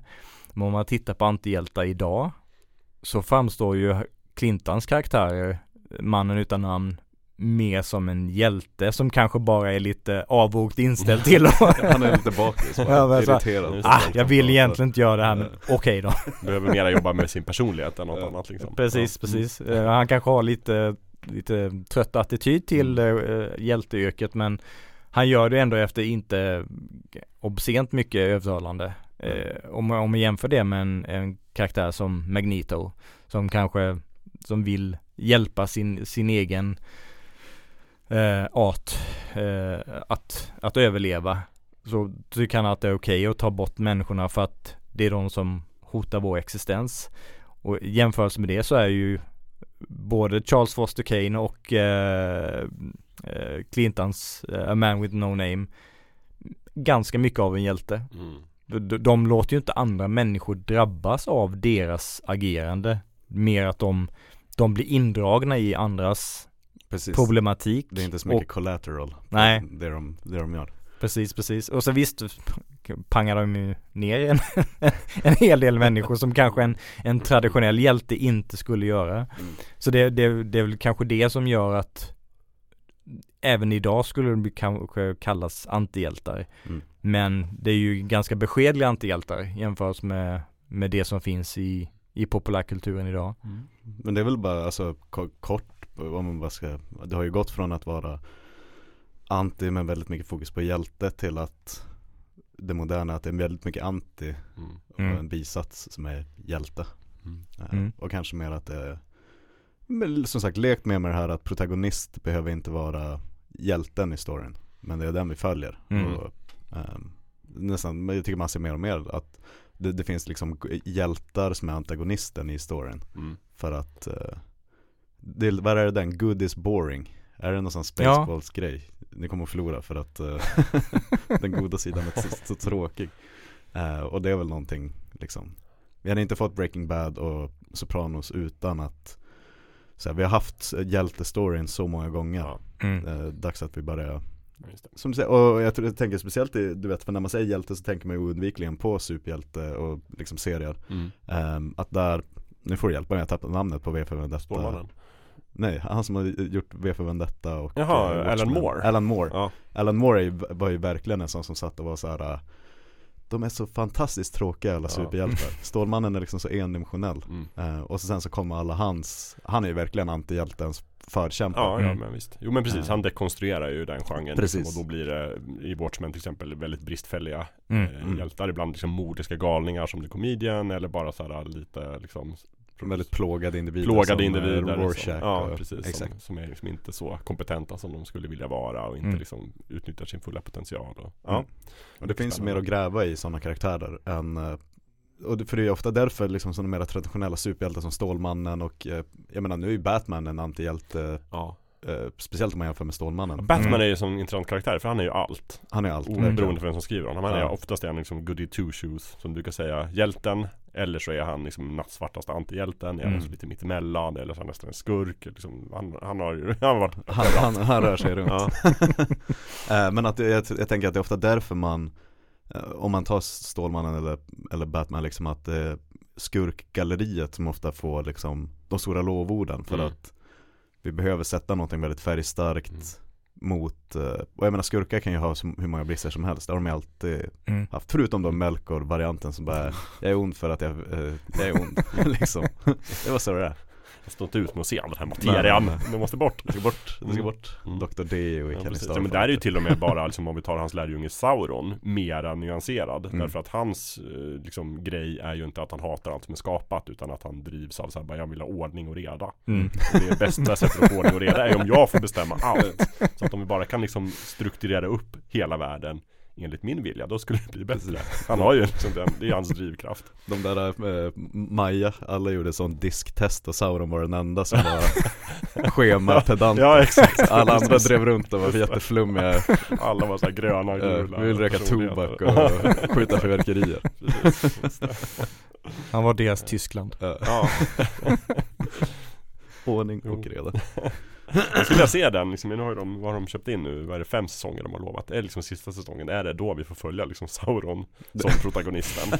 Som antihjälten? Att de gör liksom en Dexter deluxe Där vi ska känna sympati för denne mörka lord Nej, Mm. kanske inte Eh, Vad var det jag skulle säga mer då? Jo, nej men bara sammanfattningsvis då kan man säga så här då liksom att en modern antihjälte är väldigt mycket så här ändamålen helgar medlen Mm. mm. Men de kanske fortfarande har goda ändamål Men dåliga medel Precis. För om man, om man tittar på, säg, The Dark Knight. Om Ja. man tittar där.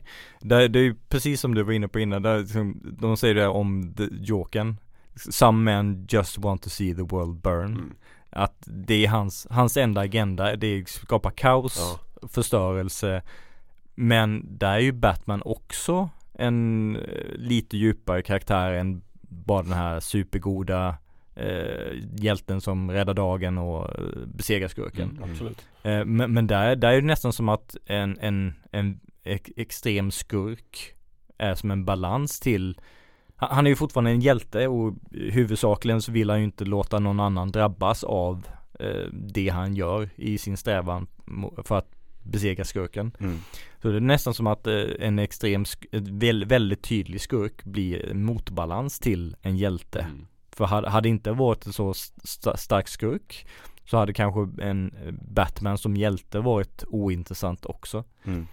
Eh, och det var ju det, var ju det Clintons eh, karaktär var en motbalans mot de här super, supersnäll, eh, snälla hjältarna som Ja, räddade Med dagen. vit hatt och liksom John Exakt, Wayne. John Wayne Mm. som folk tröttnade på. För Ja, att eh, en, en renodlad hjälte som inte gör något fel, det, är- det finns inte så mycket att, att göra med det. Ja, men, visst. men det där har vi också varit inne på tidigare just hur allting går i cykler Att man, så här, man har först verket och sen så måste Mm. man dekonstruera verket Och då blir det Mm. tråkigt med vanliga hjältar så då har man antihjältar Mm. Sen så efter ett tag så tröttnar man på det och då kommer man återskapa den Och då kommer det komma så här, då kommer det bli populärt med eh, Klassiska hjältar ett tag igen Innan vi En tröttnar till på det batch med Luke Skywalkers liksom Ja, det går ju liksom fram och tillbaka hela tiden Eh, Men det är ju spännande det där säger just det här liksom Att andra kommer till skada För det har nog alltid min eh, spontana bild av en antihjälte varit Mm. Att så här Det här är collateral damage, att det är helt accepterat mm. eh, Vad heter han i eh, Suicide Squad? Peacemaker Mm. Men säger så här, men jag, jag ska slåss för liksom frihet och rättvisa Mm. Det spelar ingen roll hur många jag måste döda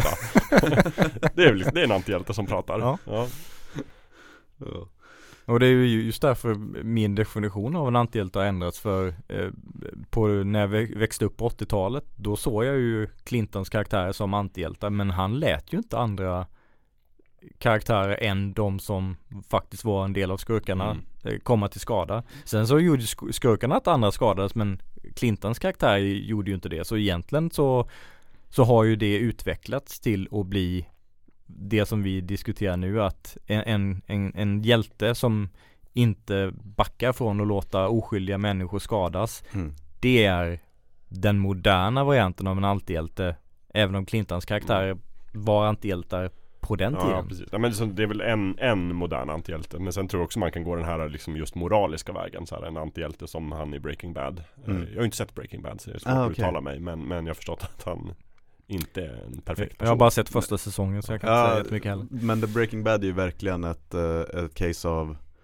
Efter ett tag, är, du börjar tycka om antibiten av Ja. antihjälte lite Ja. väl mycket liksom du, eh, Och så sen i slutet, jag tror det finns någon sån Du vet att Ens egna moraliska kompass, man kan göra ett litet så här laxmustest på Vilken säsong i Breaking Bad Ja, man inte längre hejar på Mm. huvudkaraktären ja just det eh, Och byter lite sympatier ja.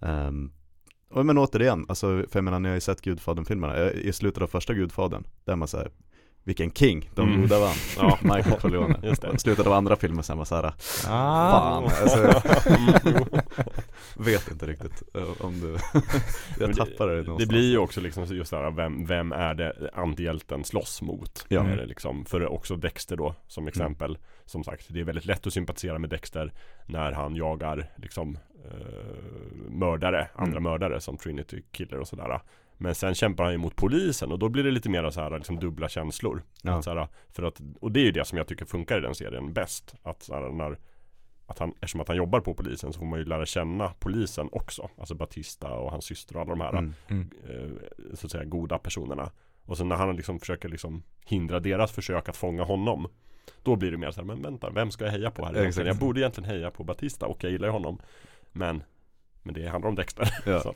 Don't ruin the fun. Nej Men, fast, men eh, jag tycker nästan att eh, om vi nu ska ha någon typ av sån kejsar ner och bjuda in alla för att slå fast vad kristendom ska vara i romarriket. Mm. Det vi har. Jag vill ändå slänga in den att eh, man kanske borde göra skillnad på begreppet antihjälte och det som är mera eh, mobbaren i skolan. Nu ska vi få fem säsonger om varför Mm. han blev en mobbare. Mm. Eh, för att det är väldigt mycket, ta en serie som Mad Men är ju verkligen den grejen. Mm. Eh, att man inser att Don Draper är ju, han är ju inte en bra människa på väldigt många sätt. Sen hejar man på honom för att Mm. han är väldigt charmig och Ja just det, liksom eh, eh. John Hamm, eh, John Hamm liksom. Mm. Men att det är liksom, nu ska vi förklara varför han beter sig som han beter sig liksom och Ja. varför han aldrig riktigt Precis, men då skulle jag nästan vilja liksom, tänka att vi, vi måste igen, återigen göra skillnad på liksom just så här protagonist eller Precis. hjälte att eh, Mm. Don Draper är absolut protagonisten Men han är, jag skulle inte kalla honom ens för en antihjälte nästan Nej. Jag skulle inte kalla honom för hjälte Bara så här, han är våran protagonist Eh, I brist på hjältar så får han Mm. vara den som vi Mm. liksom försöker sympatisera med Eh, Han gör väl inget hjältemodigt alls, någonsin Nej, men det, det finns ju också verk som Det finns inga hjältar eller Nej. skurkar Det finns bara de som Berättelsen handlar om mm. Det är som om du tittar på Succession eller eh, Som Ja. Yell- Yellowstone som vi har pratat om Finns ju Alla protagonisterna där har ju Någon form av tveksamt agerande Mm. men det, Där finns ju inga hjälte eller skurkroller utan det är bara en familj alla är skurkar. Ja. Där tycker, det är där jag tycker Succession gör någonting lite nytt att eh, det är en jobbig serie på det sättet att man måste nästan bara hitta sitt asshole och bestämma sig Ja. för att, ah, okej men jag, jag hejar nog på Shiv får liksom, men det är Mm. ingen som är sympatisk Nej. Men det, är, precis, det där pratar ju folk om i Reddit-trådarna om Succession just här, vilken är, liksom, vilken är det man Vem Ja. tycker du är minst osympatisk? Det är ju frågeställningen, inte så här vem tycker du är mest sympatisk? Ja. Ja, men för att, och det är just att det är lite, för det har ju funnits en sån eh, överenskommelse att eh, vi, vi måste ha en karaktär som publiken kan knyta an till. Mm. Mm. Och den får gärna vara lite av ett oskrivet blad. Mm. Eh, där har du verkligen i, i Halo, säger Master Chief ska ju bara vara en sån tabula rasa. Ja, Mm. För, för, för alltså att Jakob blir Master Chief Mm. när han spelar spelet. Mm. jajamän. Eh, men, men det har ju, i moderna serier så går man ju ifrån det. Och så säger man, publiken ska inte ha, det ska vara ett spektakel att titta på. Och så sen så får man, man behöver inte vara en av karaktärerna liksom. Nej, Mm. nej men precis. Och då om vi lyfter faktiskt tv-serien Halo som Mm. exempel så gör ju, där har de ju, där kan ju inte Master Chief vara den här blanka staten längre utan han måste vara en karaktär. Eh, och de gör ju det genom att ge honom nästan en ganska klassisk så här, antihjälteresa. Att det blir väldigt snabbt tydligt att så här, de här Spartan-soldaterna, de är ju inte liksom eh, väldigt populära bland alla människor. Mm. Utan det finns ju många personer som har eh, Alltså ser dem som fienden. Mm. Och han själv får ett samvete och går, gör snabbt den här Hans Solo-resan. Mm. Eh, utan att för den del vara liksom tuffast av de tuffa. Men eh, ja, de har ju verkligen tagit den greppet utan större överraskningar tycker jag. Mm. Mm. Och det hade kanske inte blivit en jätteintressant serie om han, om han var den här typiska hjälten Nej verkligen nu ska, inte. Nu det ska var jag ju det rädda jag, dagen Nej, och det var ju det jag tänkte så här att hur ska de liksom Vad ska de göra med Med Halo-universumet så här, För jag förstår varför man vill göra en tv-serie om det. är Väldigt mycket spännande lore. mm. Mm. Men hur ska man kunna göra det i praktiken om Master Chief ska vara med? Och så här, jag tycker ändå de har gjort det liksom så gott de kan. Mm. Ehm, spännande. Och framförallt då lyfta upp andra karaktärer som är betydligt mer intressanta i det. Så Mm. han är, mm. Mm. Om, man, om vi bara stannar i spelvärlden ett tag, för nu är det på väg, eh, God of War kommer ju nu snart med Just Ragnarök, Mm. Ragnarök. uppföljaren. Där har du ju verkligen en karaktär För de som inte känner till den serien så handlar det om Kratos, en sån eh, spartansk krigare. Eh, han kommer ju verkligen från ett antihjälte eh, bakgrund. Mm. Där han liksom i någon typ av blodgalen bärsärkagång tar koll på sin familj. Det är lite premissen för det första spelet, det kom ut för en herrans massa år sedan. Mhm. Ares får honom till att göra det. Precis, Mm. så det är lite så här, det är inte av hans egna fria vilja på något sätt Nej. Men eh, de första tre spelen i den serien är ju väldigt mycket bara Han är ett muskelberg som dödar en massa gudar Ja. På olika groteska sätt Ja, just det. eh, men, men de är ju också liksom assholes hela Mm. bunten Så på något sätt, men, men det finns inte så mycket djup Men sen så kommer ju nu det senaste God of War Som förflyttar till en nordisk Mm. mytologi istället Och där har de ju plötsligt gjort honom till en En väldigt tredimensionell med Kratos mått mätt karaktär Mm. som ska vara pappa Mm. och liksom göra upp med sitt förflutna Eh, Så det är, det är Försöka liksom förena sitt så här bittra, eh, våldsamma, sin bittra våldsamma historik med någon form av Ja, fadersfiguragerande och på något sätt få ihop det till Exakt, och det, det, det, det jag tycker jag är kul och det är verkligen lite det vi snackar om i det här, i det här avsnittet Det finns ett, det finns ett metaperspektiv till Kratos där på något sätt så är det liksom att det senaste God of War-spelet handlar om att han måste, han måste göra upp med att han plötsligt är en, en antihjälte 2022 i en spelserie som. Så det är lite som att det skulle komma ett, ett, ett, eh, liksom en Hans Solo-film nu Där han inte längre bara kan vara en före detta smugglare Nej just det. Utan Det eh, måste finnas ett djup. liksom. det måste finnas ett djup i det. Ja. eh, Så det är väldigt intressant att se liksom Olika, så här, samtiden göra en twist på Mm. Kratos Ehm, Så det är jätteintressant Och sen det här har vi pratat om tidigare i Fullkultur att det är så tydligt att Spelutvecklare gjorde spel som var väldigt så enkelspåriga på 90-talet Mm. mm. Nu har alla de blivit pappor Ja, Så ja, nu ska. Ja, alla, alla spel ska handla om en pappa-son-relation eller en pappa-dotter-relation Mm. Write what you know liksom Precis. Mm. Nu har jag relationer, nu ska jag skriva om relationer. Exakt. Mm. Exakt, Eh, så det är lite lika mycket sp- spelutvecklarna som gör upp med sitt med sina egna liv så här, Förr i tiden lyssnade jag bara på Metallica Mm. och gjorde spel där man sköt varandra Mm. i fejan Nu ska det handla om hämta på dagis, Ja, men också skjuta folk i ansiktet samtidigt Jo precis. Men det, det ligger väl också i liksom att Att genre, eller att, eh, vad heter det? Datorspel har liksom inte funnits så länge utan det Mm. har verkligen vuxit upp med den första generationen av liksom skapare Ja. Fortfarande det, det duger inte längre att bara ha en liksom blopp på skärmen som skjuter Nej. Vi måste ha story och sen så nej det duger inte bara med story Vi måste ha djup story Exakt. också Mm. Exakt Eh, Och det är väl det väl fine Men det blir också kul Jag gillar ju när det finns olika saker För jag uppskattar ju ett spel som har liksom något storymässigt att bjuda på mm. Men jag uppskattar ju också att ibland bara få skjuta Det lite enkla, ja. utan jag uppskattar, Mm. jag Mm. gillar ju det och det känner jag ju verkligen med filmer också Jag uppskattar ju verkligen de här enkla Alltså 80-tals doftande actionfilmerna som kommer Mm. då och då Mm. Till exempel Dread med Karl Urban Den Mm. serien, jag gillar ju den för att den är så otroligt Liksom Begränsad och precis. såhär, liksom Den är klassisk Fokuserad avskalad. Ja, och vilken var det jag såg nyligen som jag också tyckte så om Som, jag, som vi pratade om eh, Top Gun Top Gun Ja, Maverick, mm, Också precis. såhär, men liksom inga konstigheter, liksom inte för mycket djup och ganska Nej. såhär enkla Vi kan alla beatsen, jag fattar precis hur den här filmen kommer sluta Men ändå liksom, det funkar för att alla gör inte såna här filmer längre Nej. Eh, Det finns ingen så här konstig twist och liksom Men, så- men jag Men där, så han hade ju inte så mycket liksom anti, moderna antihjälteegenskaper. Han var ju mer en klassisk ja, han, han var ju mer en klassisk hjälte som såhär, ni tror jag är för gammal, jag ska visa er Ja. Jag är fortfarande relevant Vilket är liksom en hjälteresa tycker jag Mm. så. Men det, det är ju Mm. intressant, kan man skönja en, en återgång till de gamla hjältarna, eh, renodlade hjältarna Ja. med den filmen eller är det bara liksom en, en Wow. avstickare i Eh, Moderna antihjältevågen. Jag vet inte, jag tror det är kanske för tidigt att säga Ja, jag tror också det. För vi också Ja, jag vet inte Kanske Vad, vad skulle du säga Gustav? Nej men alltså, typ, det är samma sak där i tv-serieväg är ju verkligen The Mandalorian Det är ju The Man Without a Name mm. Det är det. liksom. Verkligen. Så, men man ser, men det där, det där är ju alltid som, som du sa Jakob, det här att det går i cykler Först har man hjälten, sen ska man dekonstruera Mm. hjälten Att det kommer ju alltid att finnas de som lyckas tajma motsatsen till det som har blivit poppis Att när, när all musik ska låta på det här sättet Mm. så kommer någonting som var poppis för 15 år sedan Mm. Eh, Det var ju samma sak med eh, Mad Max Fury Road där Ja. Mad Max-filmerna var, Max Rokatansky sa ingenting Nej. han, hade bara, han, han skulle bara köra sin bil Just ner på gatan Eh, Och så kom Mad Max Fury Road som hade kunnat bli liksom Nu ska vi göra Max till en tredimensionell Mm. sargad karaktär Nu ska vi utforska hans barndom. Utforska hans Ja. barndom och psyke liksom Men, eh, men det jag tror är en stor anledning till att folk verkligen diggade den filmen var att den var just Top Gun Maverick Mm.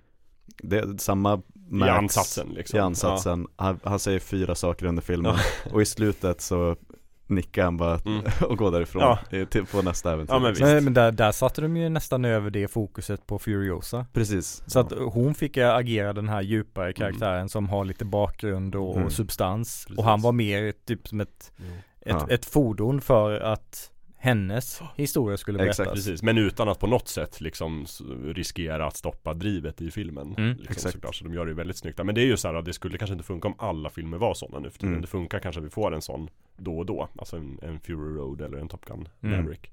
Eh, Men det är en konst där. Jag tänker på det med ehm, en, annan, en, en annan som du hade på din lista, jag vet var John Wick. Mm. Ehm, och det är ju ett fall av Den första John Wick-filmen är ju väldigt, han är ju ett mysterium, eh, typisk antihjälte. Eh, Man förstår ju att han är den största landmördaren i den där världen. Mm. Men han skjuter ju bara bad guys. Eh, Men sen så nu är vi inne snart på den fjärde John Wick-filmen. Och att så här, man kan ju skönja att de mer och mer börjar analysera karaktären John Wick. Och att, jag vet inte, det får liksom så här med facit i hand sen så får vi höra om det var bra att man försökte gräva mer i antihjälten John Wick eller ska han bara vara liksom en Max Rockatansky ja. Mm. som skjuter folk och går hem liksom Ja för Ma- Max Rockatansky har ju inte jättemycket mer bakgrund än att de dödade hans familj och Mm. skulle han hämnas i så här, våldsam bärsärkagång mm. och, och sen åker han runt i ödemarken och eh, motvilligt dras in i Mm. olika situationer som ja, kla- eh, westernantihjältarna eh, gjorde. Mm. Eh, och- med, med, med Fury Road så var det ju inte riktigt den, det fokuset längre. Nej. Utan eh, nu, nu, ska vi berätta en, en annan story som inte kanske riktigt har Alltså Furiosa är väl typ hjälten Fast hon, hon agerar kanske inte liksom den urtyp liksom goda, övergoda hjälten men hon är ändå Hon är inte så mycket antihjälte heller Nej Så de har lite gått ifrån den uppdelningen i den här filmen Mm. skulle jag säga mm. Ja precis, men det finns väl inga riktiga antihjältar i Nej. det heller. Liksom. Det är mer så här att alla är ju ganska brutala för att de måste Mm. vara Ja. för att det är den världen. Men, men liksom, i den kontexten så är de ju så hjältemodiga de kan bli kan jag Ja. tänka. Och där har du ju någonting att det har alltid varit Liksom eh, antihjältekvoten har alltid varit hög i postapokalyptiska och dystopiska miljöer eh, Det blir enklare att göra någonting där, att världen Mm. har ju gått åt åt helvete liksom. Mm. Så det finns inte så många Luke Skywalkers kvar att hämta, hämta här liksom. Nej och i, i de, de miljöerna så är det ju ofta mä, Mänskligheten står väl i, vid förintelsens eh, kant och, Mm. och alla agerar från sitt, eller nästan alla agerar för sitt eget intresse. Mm. Och då blir ju en sån karaktärs agerande inte så det, det sticker ju inte ut som särskilt skurkaktigt när nästan alla i världen ändå försöker roffa åt sig vad de kan och Mm. strunta lite i vad som, som händer. Då, då finns det de där fickorna av goda människor, människor som inte agerar på det sättet. Mm. Och då hjäl hjälper antihjälten den fickan av goda människor. Mm. Så ha, hans agerande kanske förefaller lite mer skurkaktigt jämfört med dem. Men med resten av, liksom med perspektiv på resten av världen så är han ju lite mer hjältemodig än en typisk antihjälte. Nej men exakt, det blir den i de blindas rike är den enögda kung Om alla har skit på den moraliska kompassen så är det väl den som är Det är, på, en, det är på en skala helt enkelt Mm. Ehm, Men ja det, det känns ju som eh, om man ska om man ska se på någon som är så här konsekvent eh, har ha så här konsekvent typiska antihjältar så är det väl eh, Quentin Tarantino. Ja. Han har, Mm. han har ju gjort filmer som inte har eh, antihjälte i sig. Eh, Jackie Brown kan man väl inte riktigt säga har någon antihjältekaraktär. Helt, inte, inte en utpräglad antihjälte. nej. Eh, men i princip alla andra filmer har ju åtminstone en eller flera karaktärer som tillhör den goda sida Mm. men vars så här, jargong och agerande är klart skurkaktigt. Mm. Eh, Och bara om man kollar på liksom deras attribut. Okej, vad jobbar de som? Vad har de för bakgrund? mm, Vad har de för laster? Mm. Väldigt få lastfria människor i en Quentin Tarantino-rulle liksom. mm, Ehm, men ja, och i, och i Quentin Tarantinos fall, det är ju ofta, som man bara tar Pulp Fiction som exempel, så hejar man ju på dem som, eh, de- är uppenbart skurkar i en vanlig, Mm. i en vanlig kontext liksom. mm, Men att i det fallet så finns det alltid en ännu värre karaktär mm, som inte står på deras sida. Ja. precis. Och då blir de hjältar i den lilla, i den lilla bubblan liksom, av, av karaktärer. Ehm, så men, men han har ju, han har ju varit fascinerad av det sen start. Reservoir Dogs är ju ett, verkligen ett fall av, det här är skurkgalleri. ja, verkligen. Men eh, Mm. det finns skurk, skurkar och antihjältar i den, just i de här en och en halv timmen som vi, som vi kollar på filmen så Mm. blir vi kompis med den här för att Mm. han är ju minst sämst. Mm.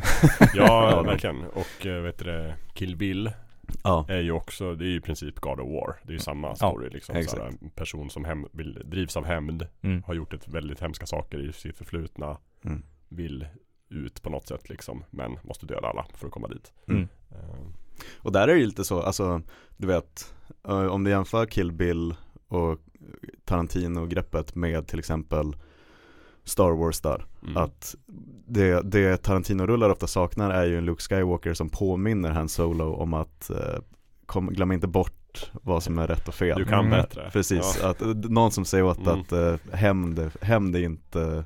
Bra i slutändan, för, för dig eller för någon annan. Ja, just det. Eh, Men att man plockar bort den eh, liksom moralisten ur historien. Och så får bara de hemdrivna karaktärerna Mm.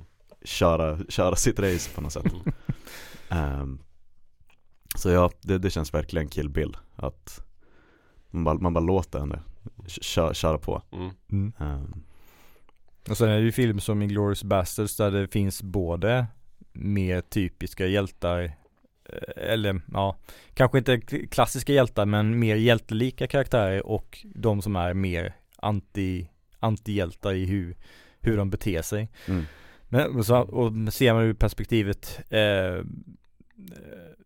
så när de håller på slaktar tyskar på eh, allehanda kreativa vis då gör de ju det med ett agerande och eh, en jargong som är eh, högst tveksam. mm, Men å andra sidan så slaktar de ju nazister som eh, har visst agerande. och lite frikort. Mm, det är lite, Ja, lite det, det, frikort. precis, det den filmen har som kanske liksom eh, Pulp Fiction inte har, det är ju liksom klassiska skurkar Ja. då att förhålla sig till. Precis. Och jag menar det, eh, när två av dem står och skjuter Hitler i ansiktet med maskingevär så Mm. kanske man inte tänker det där är ju inte särskilt hjältelikt agerande. Då tänker man mer, mm, yes.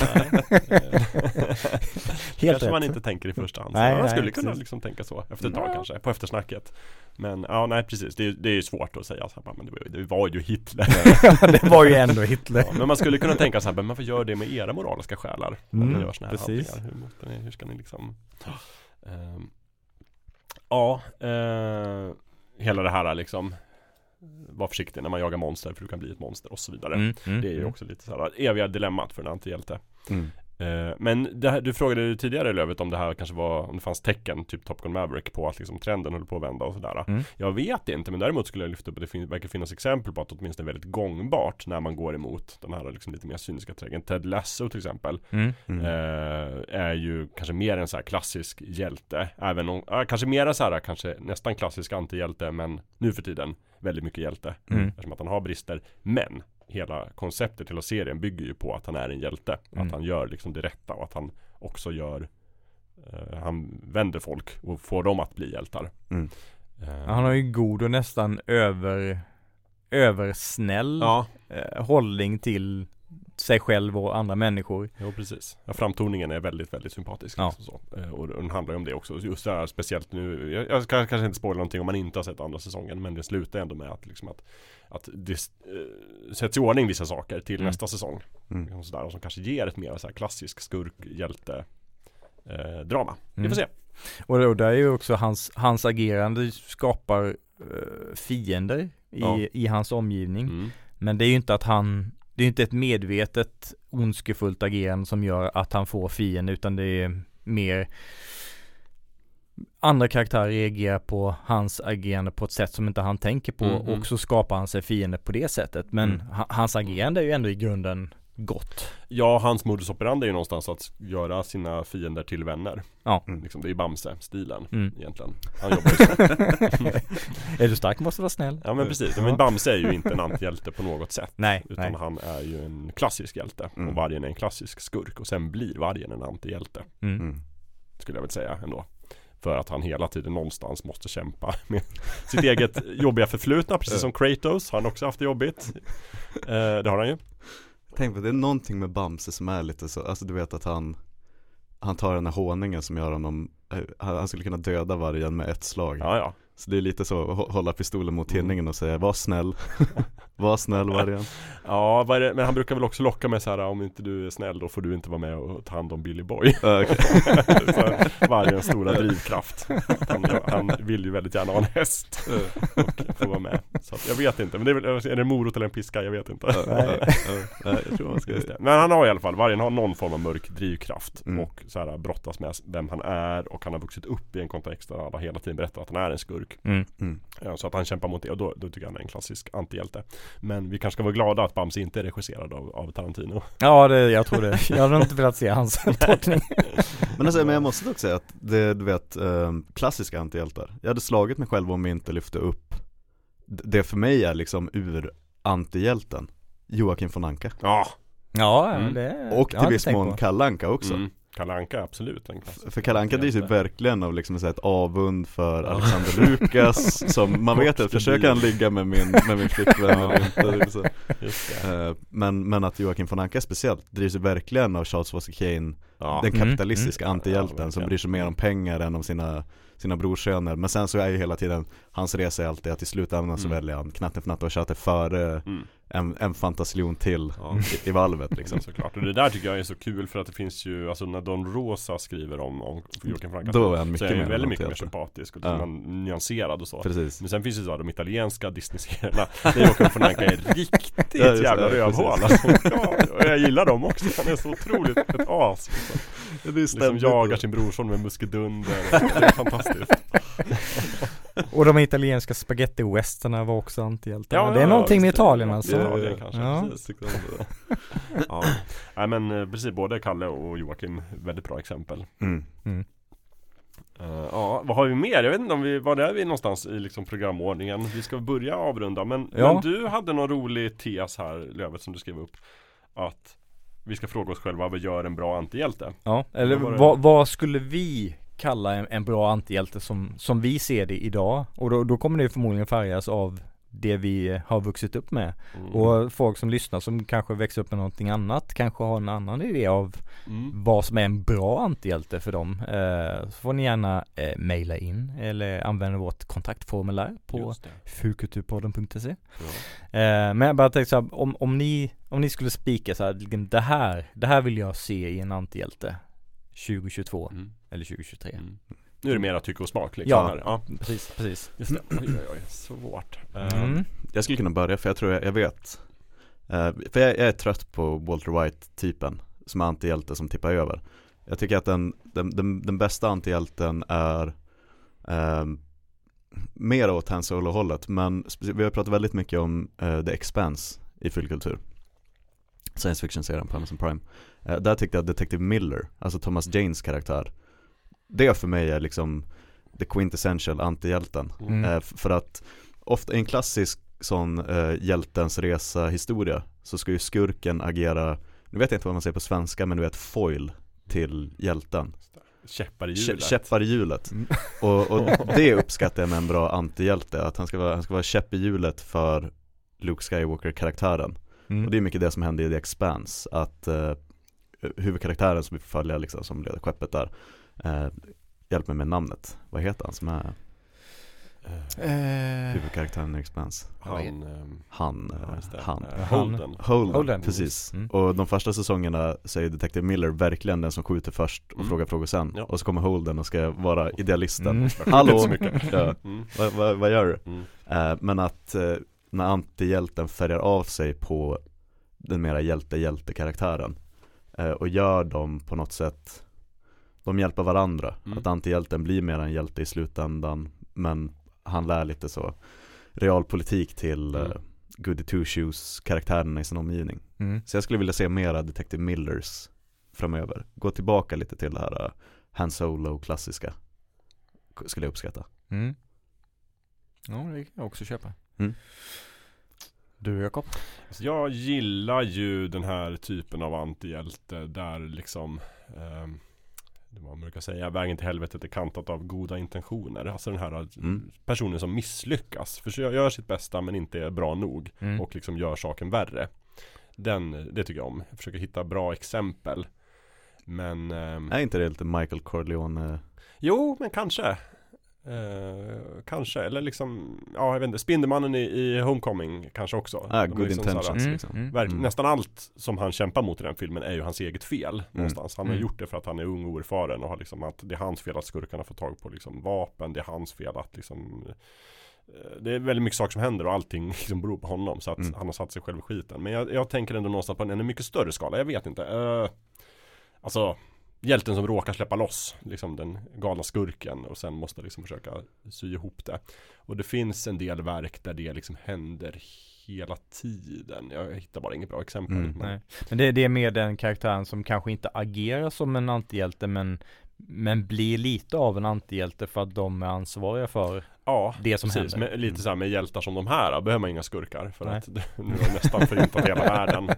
Eh, och det finns ju liksom också, men ju, jag gillar just det här, det här äh, karaktärer som har det här ständiga dåliga samvetet. Jag vet att jag har förstört saker och ting. Mm. Eh, för det finns ju sådana varianter som inte bryr sig så mycket också. Mm. Eh, och där nämnde ju Rick and Morty Mm. till exempel. Och, och Rick är ju en väldigt spännande antihjälte. Mm. Eh, där han liksom också rör sig på olika skalor. Mm. Men där är också så här i visst avsnitt så gräver de ju väldigt mycket i hans förflutna och skapar Mm. Sympati. Mm. Och sen så i nästa avsnitt så har han inte så mycket sympati.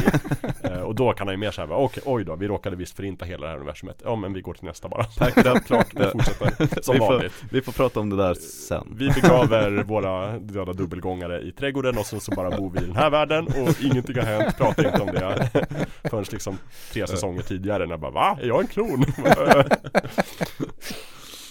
det, det är ju kul, men det, jag gillar, där gillar jag ju snarare då när liksom faktiskt ibland zoomar in på honom och visar Mm. så här Man vet aldrig riktigt hur mycket på allvar det är Men Mm. liksom sådär, det gillar jag, den, den diffusheten Mm. Eh, annars eh, den här eh, gammal klassisk fantasy-serie så, eh, Sagan om Thomas Covenant inte eh. Av, eh, vad heter författaren? Ah, Steven Donaldson Mm. eh, Och det här det är ju liksom den mest deppiga mörka fantasyn som finns För att han är ju så otroligt inte mycket en hjälte eh, Det här är alltså, han är en person som är liksom, han har, han har spetälska i den vanliga världen Mm. Otroligt bitter, bor ensam i ett hus, eller liksom hatar alla. Alltså så här, bor i ensamhet, väldigt bitter. Och sen så en dag så hamnar han i den här magiska världen. Mm. Eh, Och hela boken går egentligen ut på att han tror inte det på riktigt. Utan han bara går omkring och övertygar sig själv om att det här är min hallucination på något sätt. Mm. Medan det finns också den här världen som hotas av en mörk liksom lord eh, Som vill förinta allt som finns. Och han är det så här, den av profetiorna utsedda hjälten som ska komma och skydda dem. Och alla bara ja, du är våran hjälte. Han bara ja ni finns inte. Ja, Det här är bara inbildning. Och han liksom gör så här fruktansvärda saker. Det första som händer är liksom att han våldtar en människa För att Oj. han kommer till den här världen. Och plötsligt så är han, hans kropp funkar. Mm. och sen så bara gör han så här fruktansvärda hän- handlingar Och sen så går hela serien ut på att han försöker också liksom på något sätt olika sätt råda bot på det här Mm. Och försöker komma över till rätta med att ja, okej, finns den här världen eller inte? Hur ska jag förhålla mig? Mm.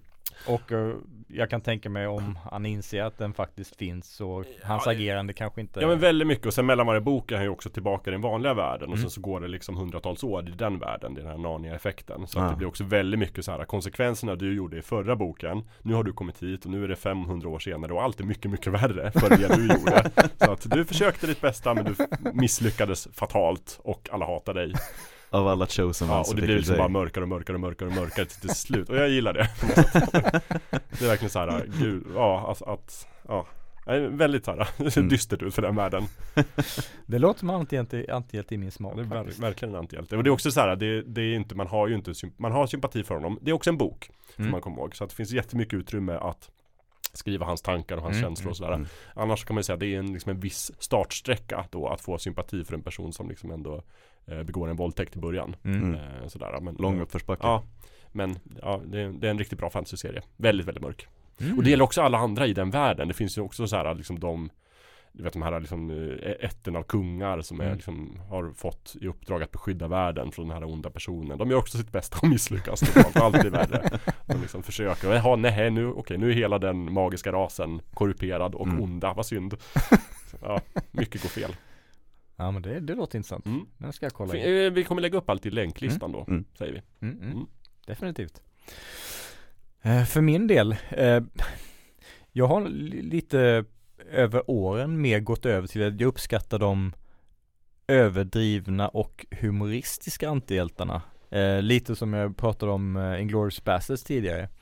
Eh, Aldo Reigns eh, Mm. är ju vad jag skulle kalla en eh, kanske lite överdriven antihjälte, humoristisk antihjälte som jobbar mot ett nobelt ändamål men eh, agerar ju kanske tveksamt men inte som en skurk utan eh, det är väldigt tveksamt agerande men han jobbar mot någonting som är väldigt positivt. Eh, och om det innefattar att karva in eh, en swastika i någons panna så att de inte ska kunna komma undan Mm. i framtiden så gör han det. Mm. Eh, jag har mer, mer lutat åt, åt den sortens antihjältar för länge var det ju Clintons antihjältar Mm. från eh, gamla spagettirullarna, spaghetti western-rullarna. Men det, jag har någonstans med, med moderna antihjältar och modern så här, pop- populärkultursutveckling så, så ser jag mer det som en, en, en protagonist, en hjälte Mm. i filmerna. Bara att den kanske inte agerar som de skulle göra i de klassiska John Wayne-rullarna. Men det är fortfarande ett, ett hjältelikt agerande. Bara han är lite mer motstånd till att kasta sig in i leken. Men, men det, utöver det så är det ju inget direkt tveksamt agerande. Så det, det är nästan mer så här humoristisk överdriven eh, antihjälte. Eller den skurken, den, den som faktiskt är en skurk Mm. som går in eh, på hjältarnas sida och då faktiskt agerar som en, en, En en riktig skurk. Typ som när Venom eh, ger sig i kast med eh, Spiderman och eh, Avengers och liknande. Mm. För att ha, de ska slåss mot något ännu större hot som, eh, som han också har svårt att tampas med. Så där, ja okej då, jag får väl vara med. Men han, han gör ju han mördar ju folk brutalt och Mm. verkligen agerar som en, en skurk. Så då, han, då- då är han ju inte egentligen en antihjälte men en antihjälte ur perspektivet att han, han slåss tillsammans med hjältarna. Ja. Det, så det, det är väl egentligen de två sidorna jag uppskattar nu för tiden. Den här, den här extrema, ex, det extrema som inte egentligen är en antihjälte. Mm. Och sen den här humoristiskt överdrivna eh, antihjälten som, som faktiskt jobbar mot någonting bra utan att vara, så det är liksom kanske nästa steg efter eh, mannen utan namn Mm. karaktären. Det, det, det, har, det har tagit våldet och det tveksamma agerandet ett steg till. Men han är ju fortfarande inte liksom i närheten Man av behöver aldrig ifrågasätta vilken sida han står på. Nej, Men precis. metoderna är inte jättemässiga. Inte jättefina. Men, eh, nu kommer jag på ett annat exempel. Och, alltså en av mina verkliga favorit eh, antihjältekaraktärer senaste 10-15 åren. Alejandro i Sicario-filmerna. Mm. Alltså spelas av, eh, åh vad heter han? Som är lite smålik Brad Pitt och är med i The Usual Suspects. Um, äh, i alla fall. Som- Ja. Ehm, han, Alejandro, han är en, en landmördare i den filmen. Och han är ju verkligen ett exempel på eh, Våra avsikter är goda nu, vi kommer att släppa lös någon som är helt nattsvart liksom. Men Mm. vi, ska sätta, vi måste sätta hårt mot hårt nu. Det är verkligen en sån cynisk inställning till att använda en antihjälte Mm. för ett gott syfte liksom. Mm. Ehm, så han har ju egentligen inga, han är ju verkligen en skurk. Men som du säger Lövet, i 15 minuter så hoppar han in på, på de godas sida Mm. eh, på något sätt. Och bara gör sådana, liksom, man kan inte prata högt om det i, i korridoren efteråt. Mm. Så, så lite så eh, Rick Sanchez varianten. Just det. Eh, nu kommer det hända någonting som inte är så kosher. Eh, och sen kommer vi inte att prata om det förmodligen. Eh, men ja. Ehm, så den karaktären ser jag också gärna mer av. Mm. Ehm, som bara man får bara hantera att nu kommer det hända någonting barnförbjudet. Ja. Eh, Jag har inte sett några av Sicario-filmer faktiskt. den, det är ju också Taylor Sheridan Eh, Är det? Ja, Jaha. Men då är det nästa på din Ja, lista. alltså om Ja, ni inte har sett, om ni inte har sett, jag, jag skulle sätta, om ni tvingade mig nu att göra en lista på de tio bästa filmerna sen 2010, Mm. då är Sicario på den listan. Jaha. Hmm. Den är, det är en fantastiskt bra, Ja, jag har ju hört talas om den men jag hade ingen aning om att det var Taylor Sheridan faktiskt. mm. nej men den, och så är det ju ehm, Ja, det, det är en otroligt vacker film också. Det är ju eh, Deakins som Mm. kör. Ehm, och så sen så är det ju Det är ju en Denis Villeneuve-rulle. Ja, mm. Ah. Så det är verkligen en, bara bra namn i den Mm. produktionen. Mm. Ehm, Vilket Ja. tips så här i slutet. Då, Ja, kan, ja, ja. då kan vi ju konstatera att Taylor Sheridan, för er som gillar antihjältar, titta på Taylor Sheridans grejer. För Mm. det är även Mayor of Kingstown, det är är också på antihjältar antihjältar, i precis. huvudrollen. men jag, jag var helt övertygad om att ni hade sett Sicario. Ja, men jag har sett den, tror jag. Alltså, jag trodde det fram till Lövet sa att han inte har sett den. Då Ja. tänkte jag, vad konstigt har jag, att jag har sett något som inte Lövet har sett. Och sen började jag tänka, men jag kanske inte har sett den. Ja det är Emily Blunt, Josh Ja. Brolin. Mm. Jo, jag har sett Men den, den har ju hänvisats till höger och vänster i populärkulturen så Mm. det, det känns nästan som att jag har sett den ibland men det har jag inte. den. Du tror att du har sett den? Jag tror att jag har sett den men nej det har jag inte. minne. Nej men se, se den för ett bra exempel på en, en antihjälte Tycker jag Som är lite mer åt skurk Ja, en, en som- temporär antihjälte mm, mm, mm. Han är, Ja men ja, det är ju precis det jag Mm.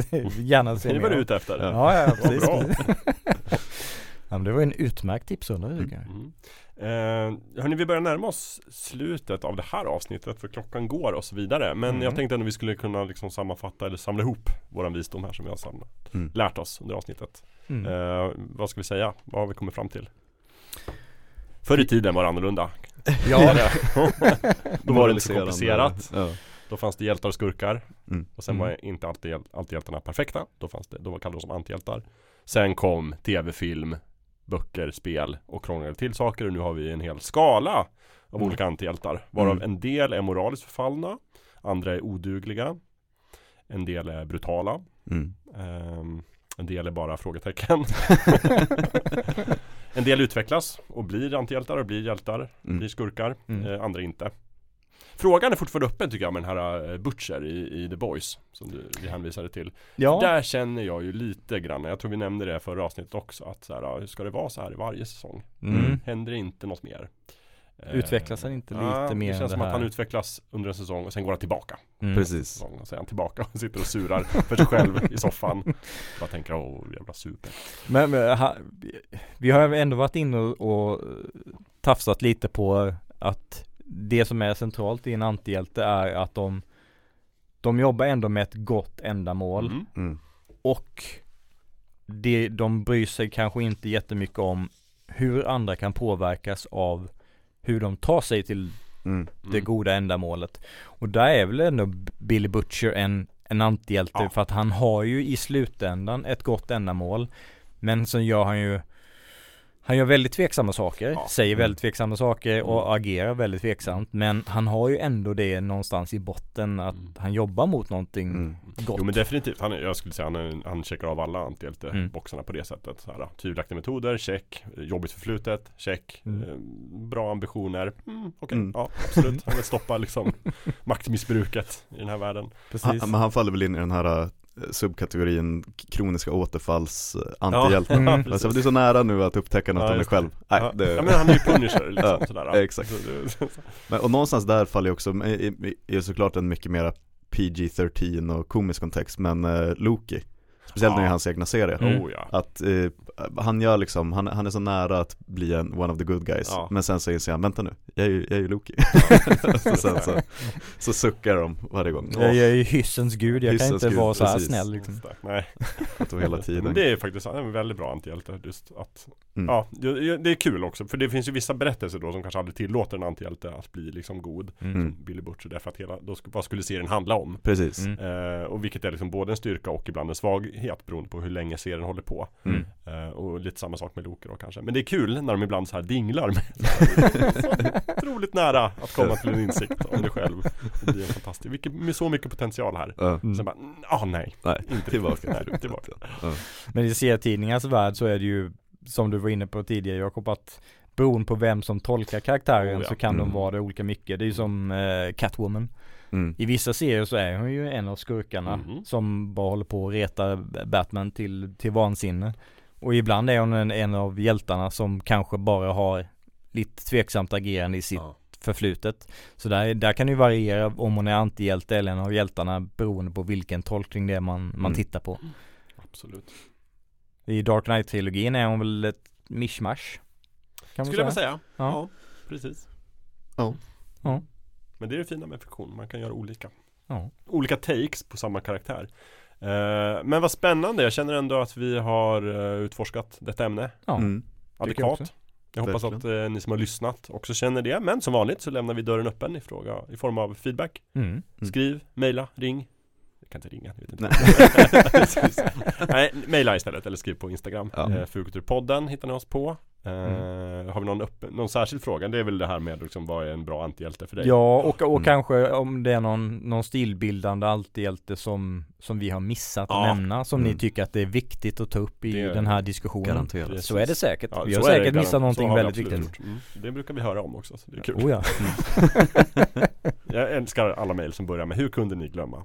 Ja. punkt, punkt, punkt. Skamligt. Det är så vi utvecklas. Just det, Ja. det är bra. Mm. Men då så, det var det för den här gången och sen Ja. så är vi tillbaka nästa månad. Om Mm. det inte blir något extra däremellan, det kan det bli. Det vi kan har en del lösa Ja. tåtar här som vi måste försöka Mm, ihop. mm, Det är mest mm. schemat som sätter sig i vägen. Ja. Precis. Vi går in nu in i höstperioden. Ja, intensiv höstperiod. Mm. Men det finns en del liksom side quests som vi Mm. håller på med. Som, Oh, som förhoppningsvis ska ut i etern. Så att, Mm. mm. Mm. Om inte annat så oktober. Ja. Yes. Det är bra. Må väl tills dess. ja. Live long and prosper. Ja. May your death be swift. May your survival be long. May the force be with you. Och så vidare. Eh, och så vidare. Ja, Ja. precis. Puss och kram hörni. Puss och Puss kram. och kram. Ha det bra. Hej.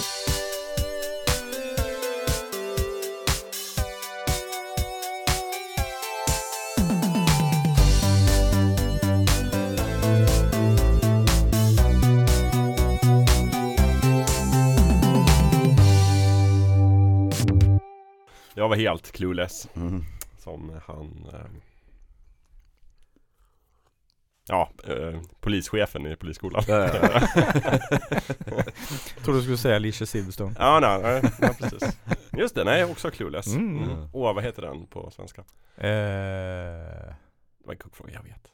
Nej, det heter den inte alls det. Jag Nej. tror den heter Rätt upp i 90-talet, det gör den inte. Den Nej. heter Clueless på svenska. Vem är det som heter Rätt upp i 90-talet? Snabb googling. Ja. Medan vi värmer upp. Det är- det låter som att det, det är någon av dem typ Almost famous eller High Fidelity eller Ja, nej, inte så hög standard. Inte så det. utan Nej. det är de, de har de låtit The vara. Blast from the Past. Blast from the past. Just det. Men det är ju, nu ska vi se. Men, jo, Alicia Silverstone är ju med i den Mm. också naturligtvis. Mm. Och Brendan Fraser Oj oj. och Christopher Walken. Såg du, det eh, cirkulerar ju en bild på internet när Brandon Fraser träffar Hugh Jackman. Ja. Mm. Vadå, de ser exakt likadana ut? eller? Nej, nej, eh, Brandon Fraser ser ut som att han är tio år och träffar Wolverine för första gången. och Hugh Jackman ser exakt likadan ut åt andra hållet. Oh, Brandon. Det är Djungel George. Ja. Ja. Det är ju jättekul i Natt på museet 2 Mm. Eller är det Natt på museet 3 kanske? Det som inte är på The Smithsonian, nej men det är nog tvåan, Det är tvåan, kanske som ja. är, trean då, där de är i London För då eh, jagar de ju den här gamla återuppväckta Farao. faraon Och så Rami Malek va? Exakt Jag har bara sett Eh. detta. de, Ja, Fast jag kommer inte se de andra. och då jagar de ju in honom på en, eh, en musikal För de är ju liksom i London Ja. Och då är det ju såklart Hugh Jackman där Som spelar Mm. någon sorts kung Och så försöker han liksom så här stoppa honom för att han stör liksom pjäsen Och då typ bara Tvinga inte mig att gå Wolverine Och sen så gör han sån här liksom Och de andra bara eh, okej Okej.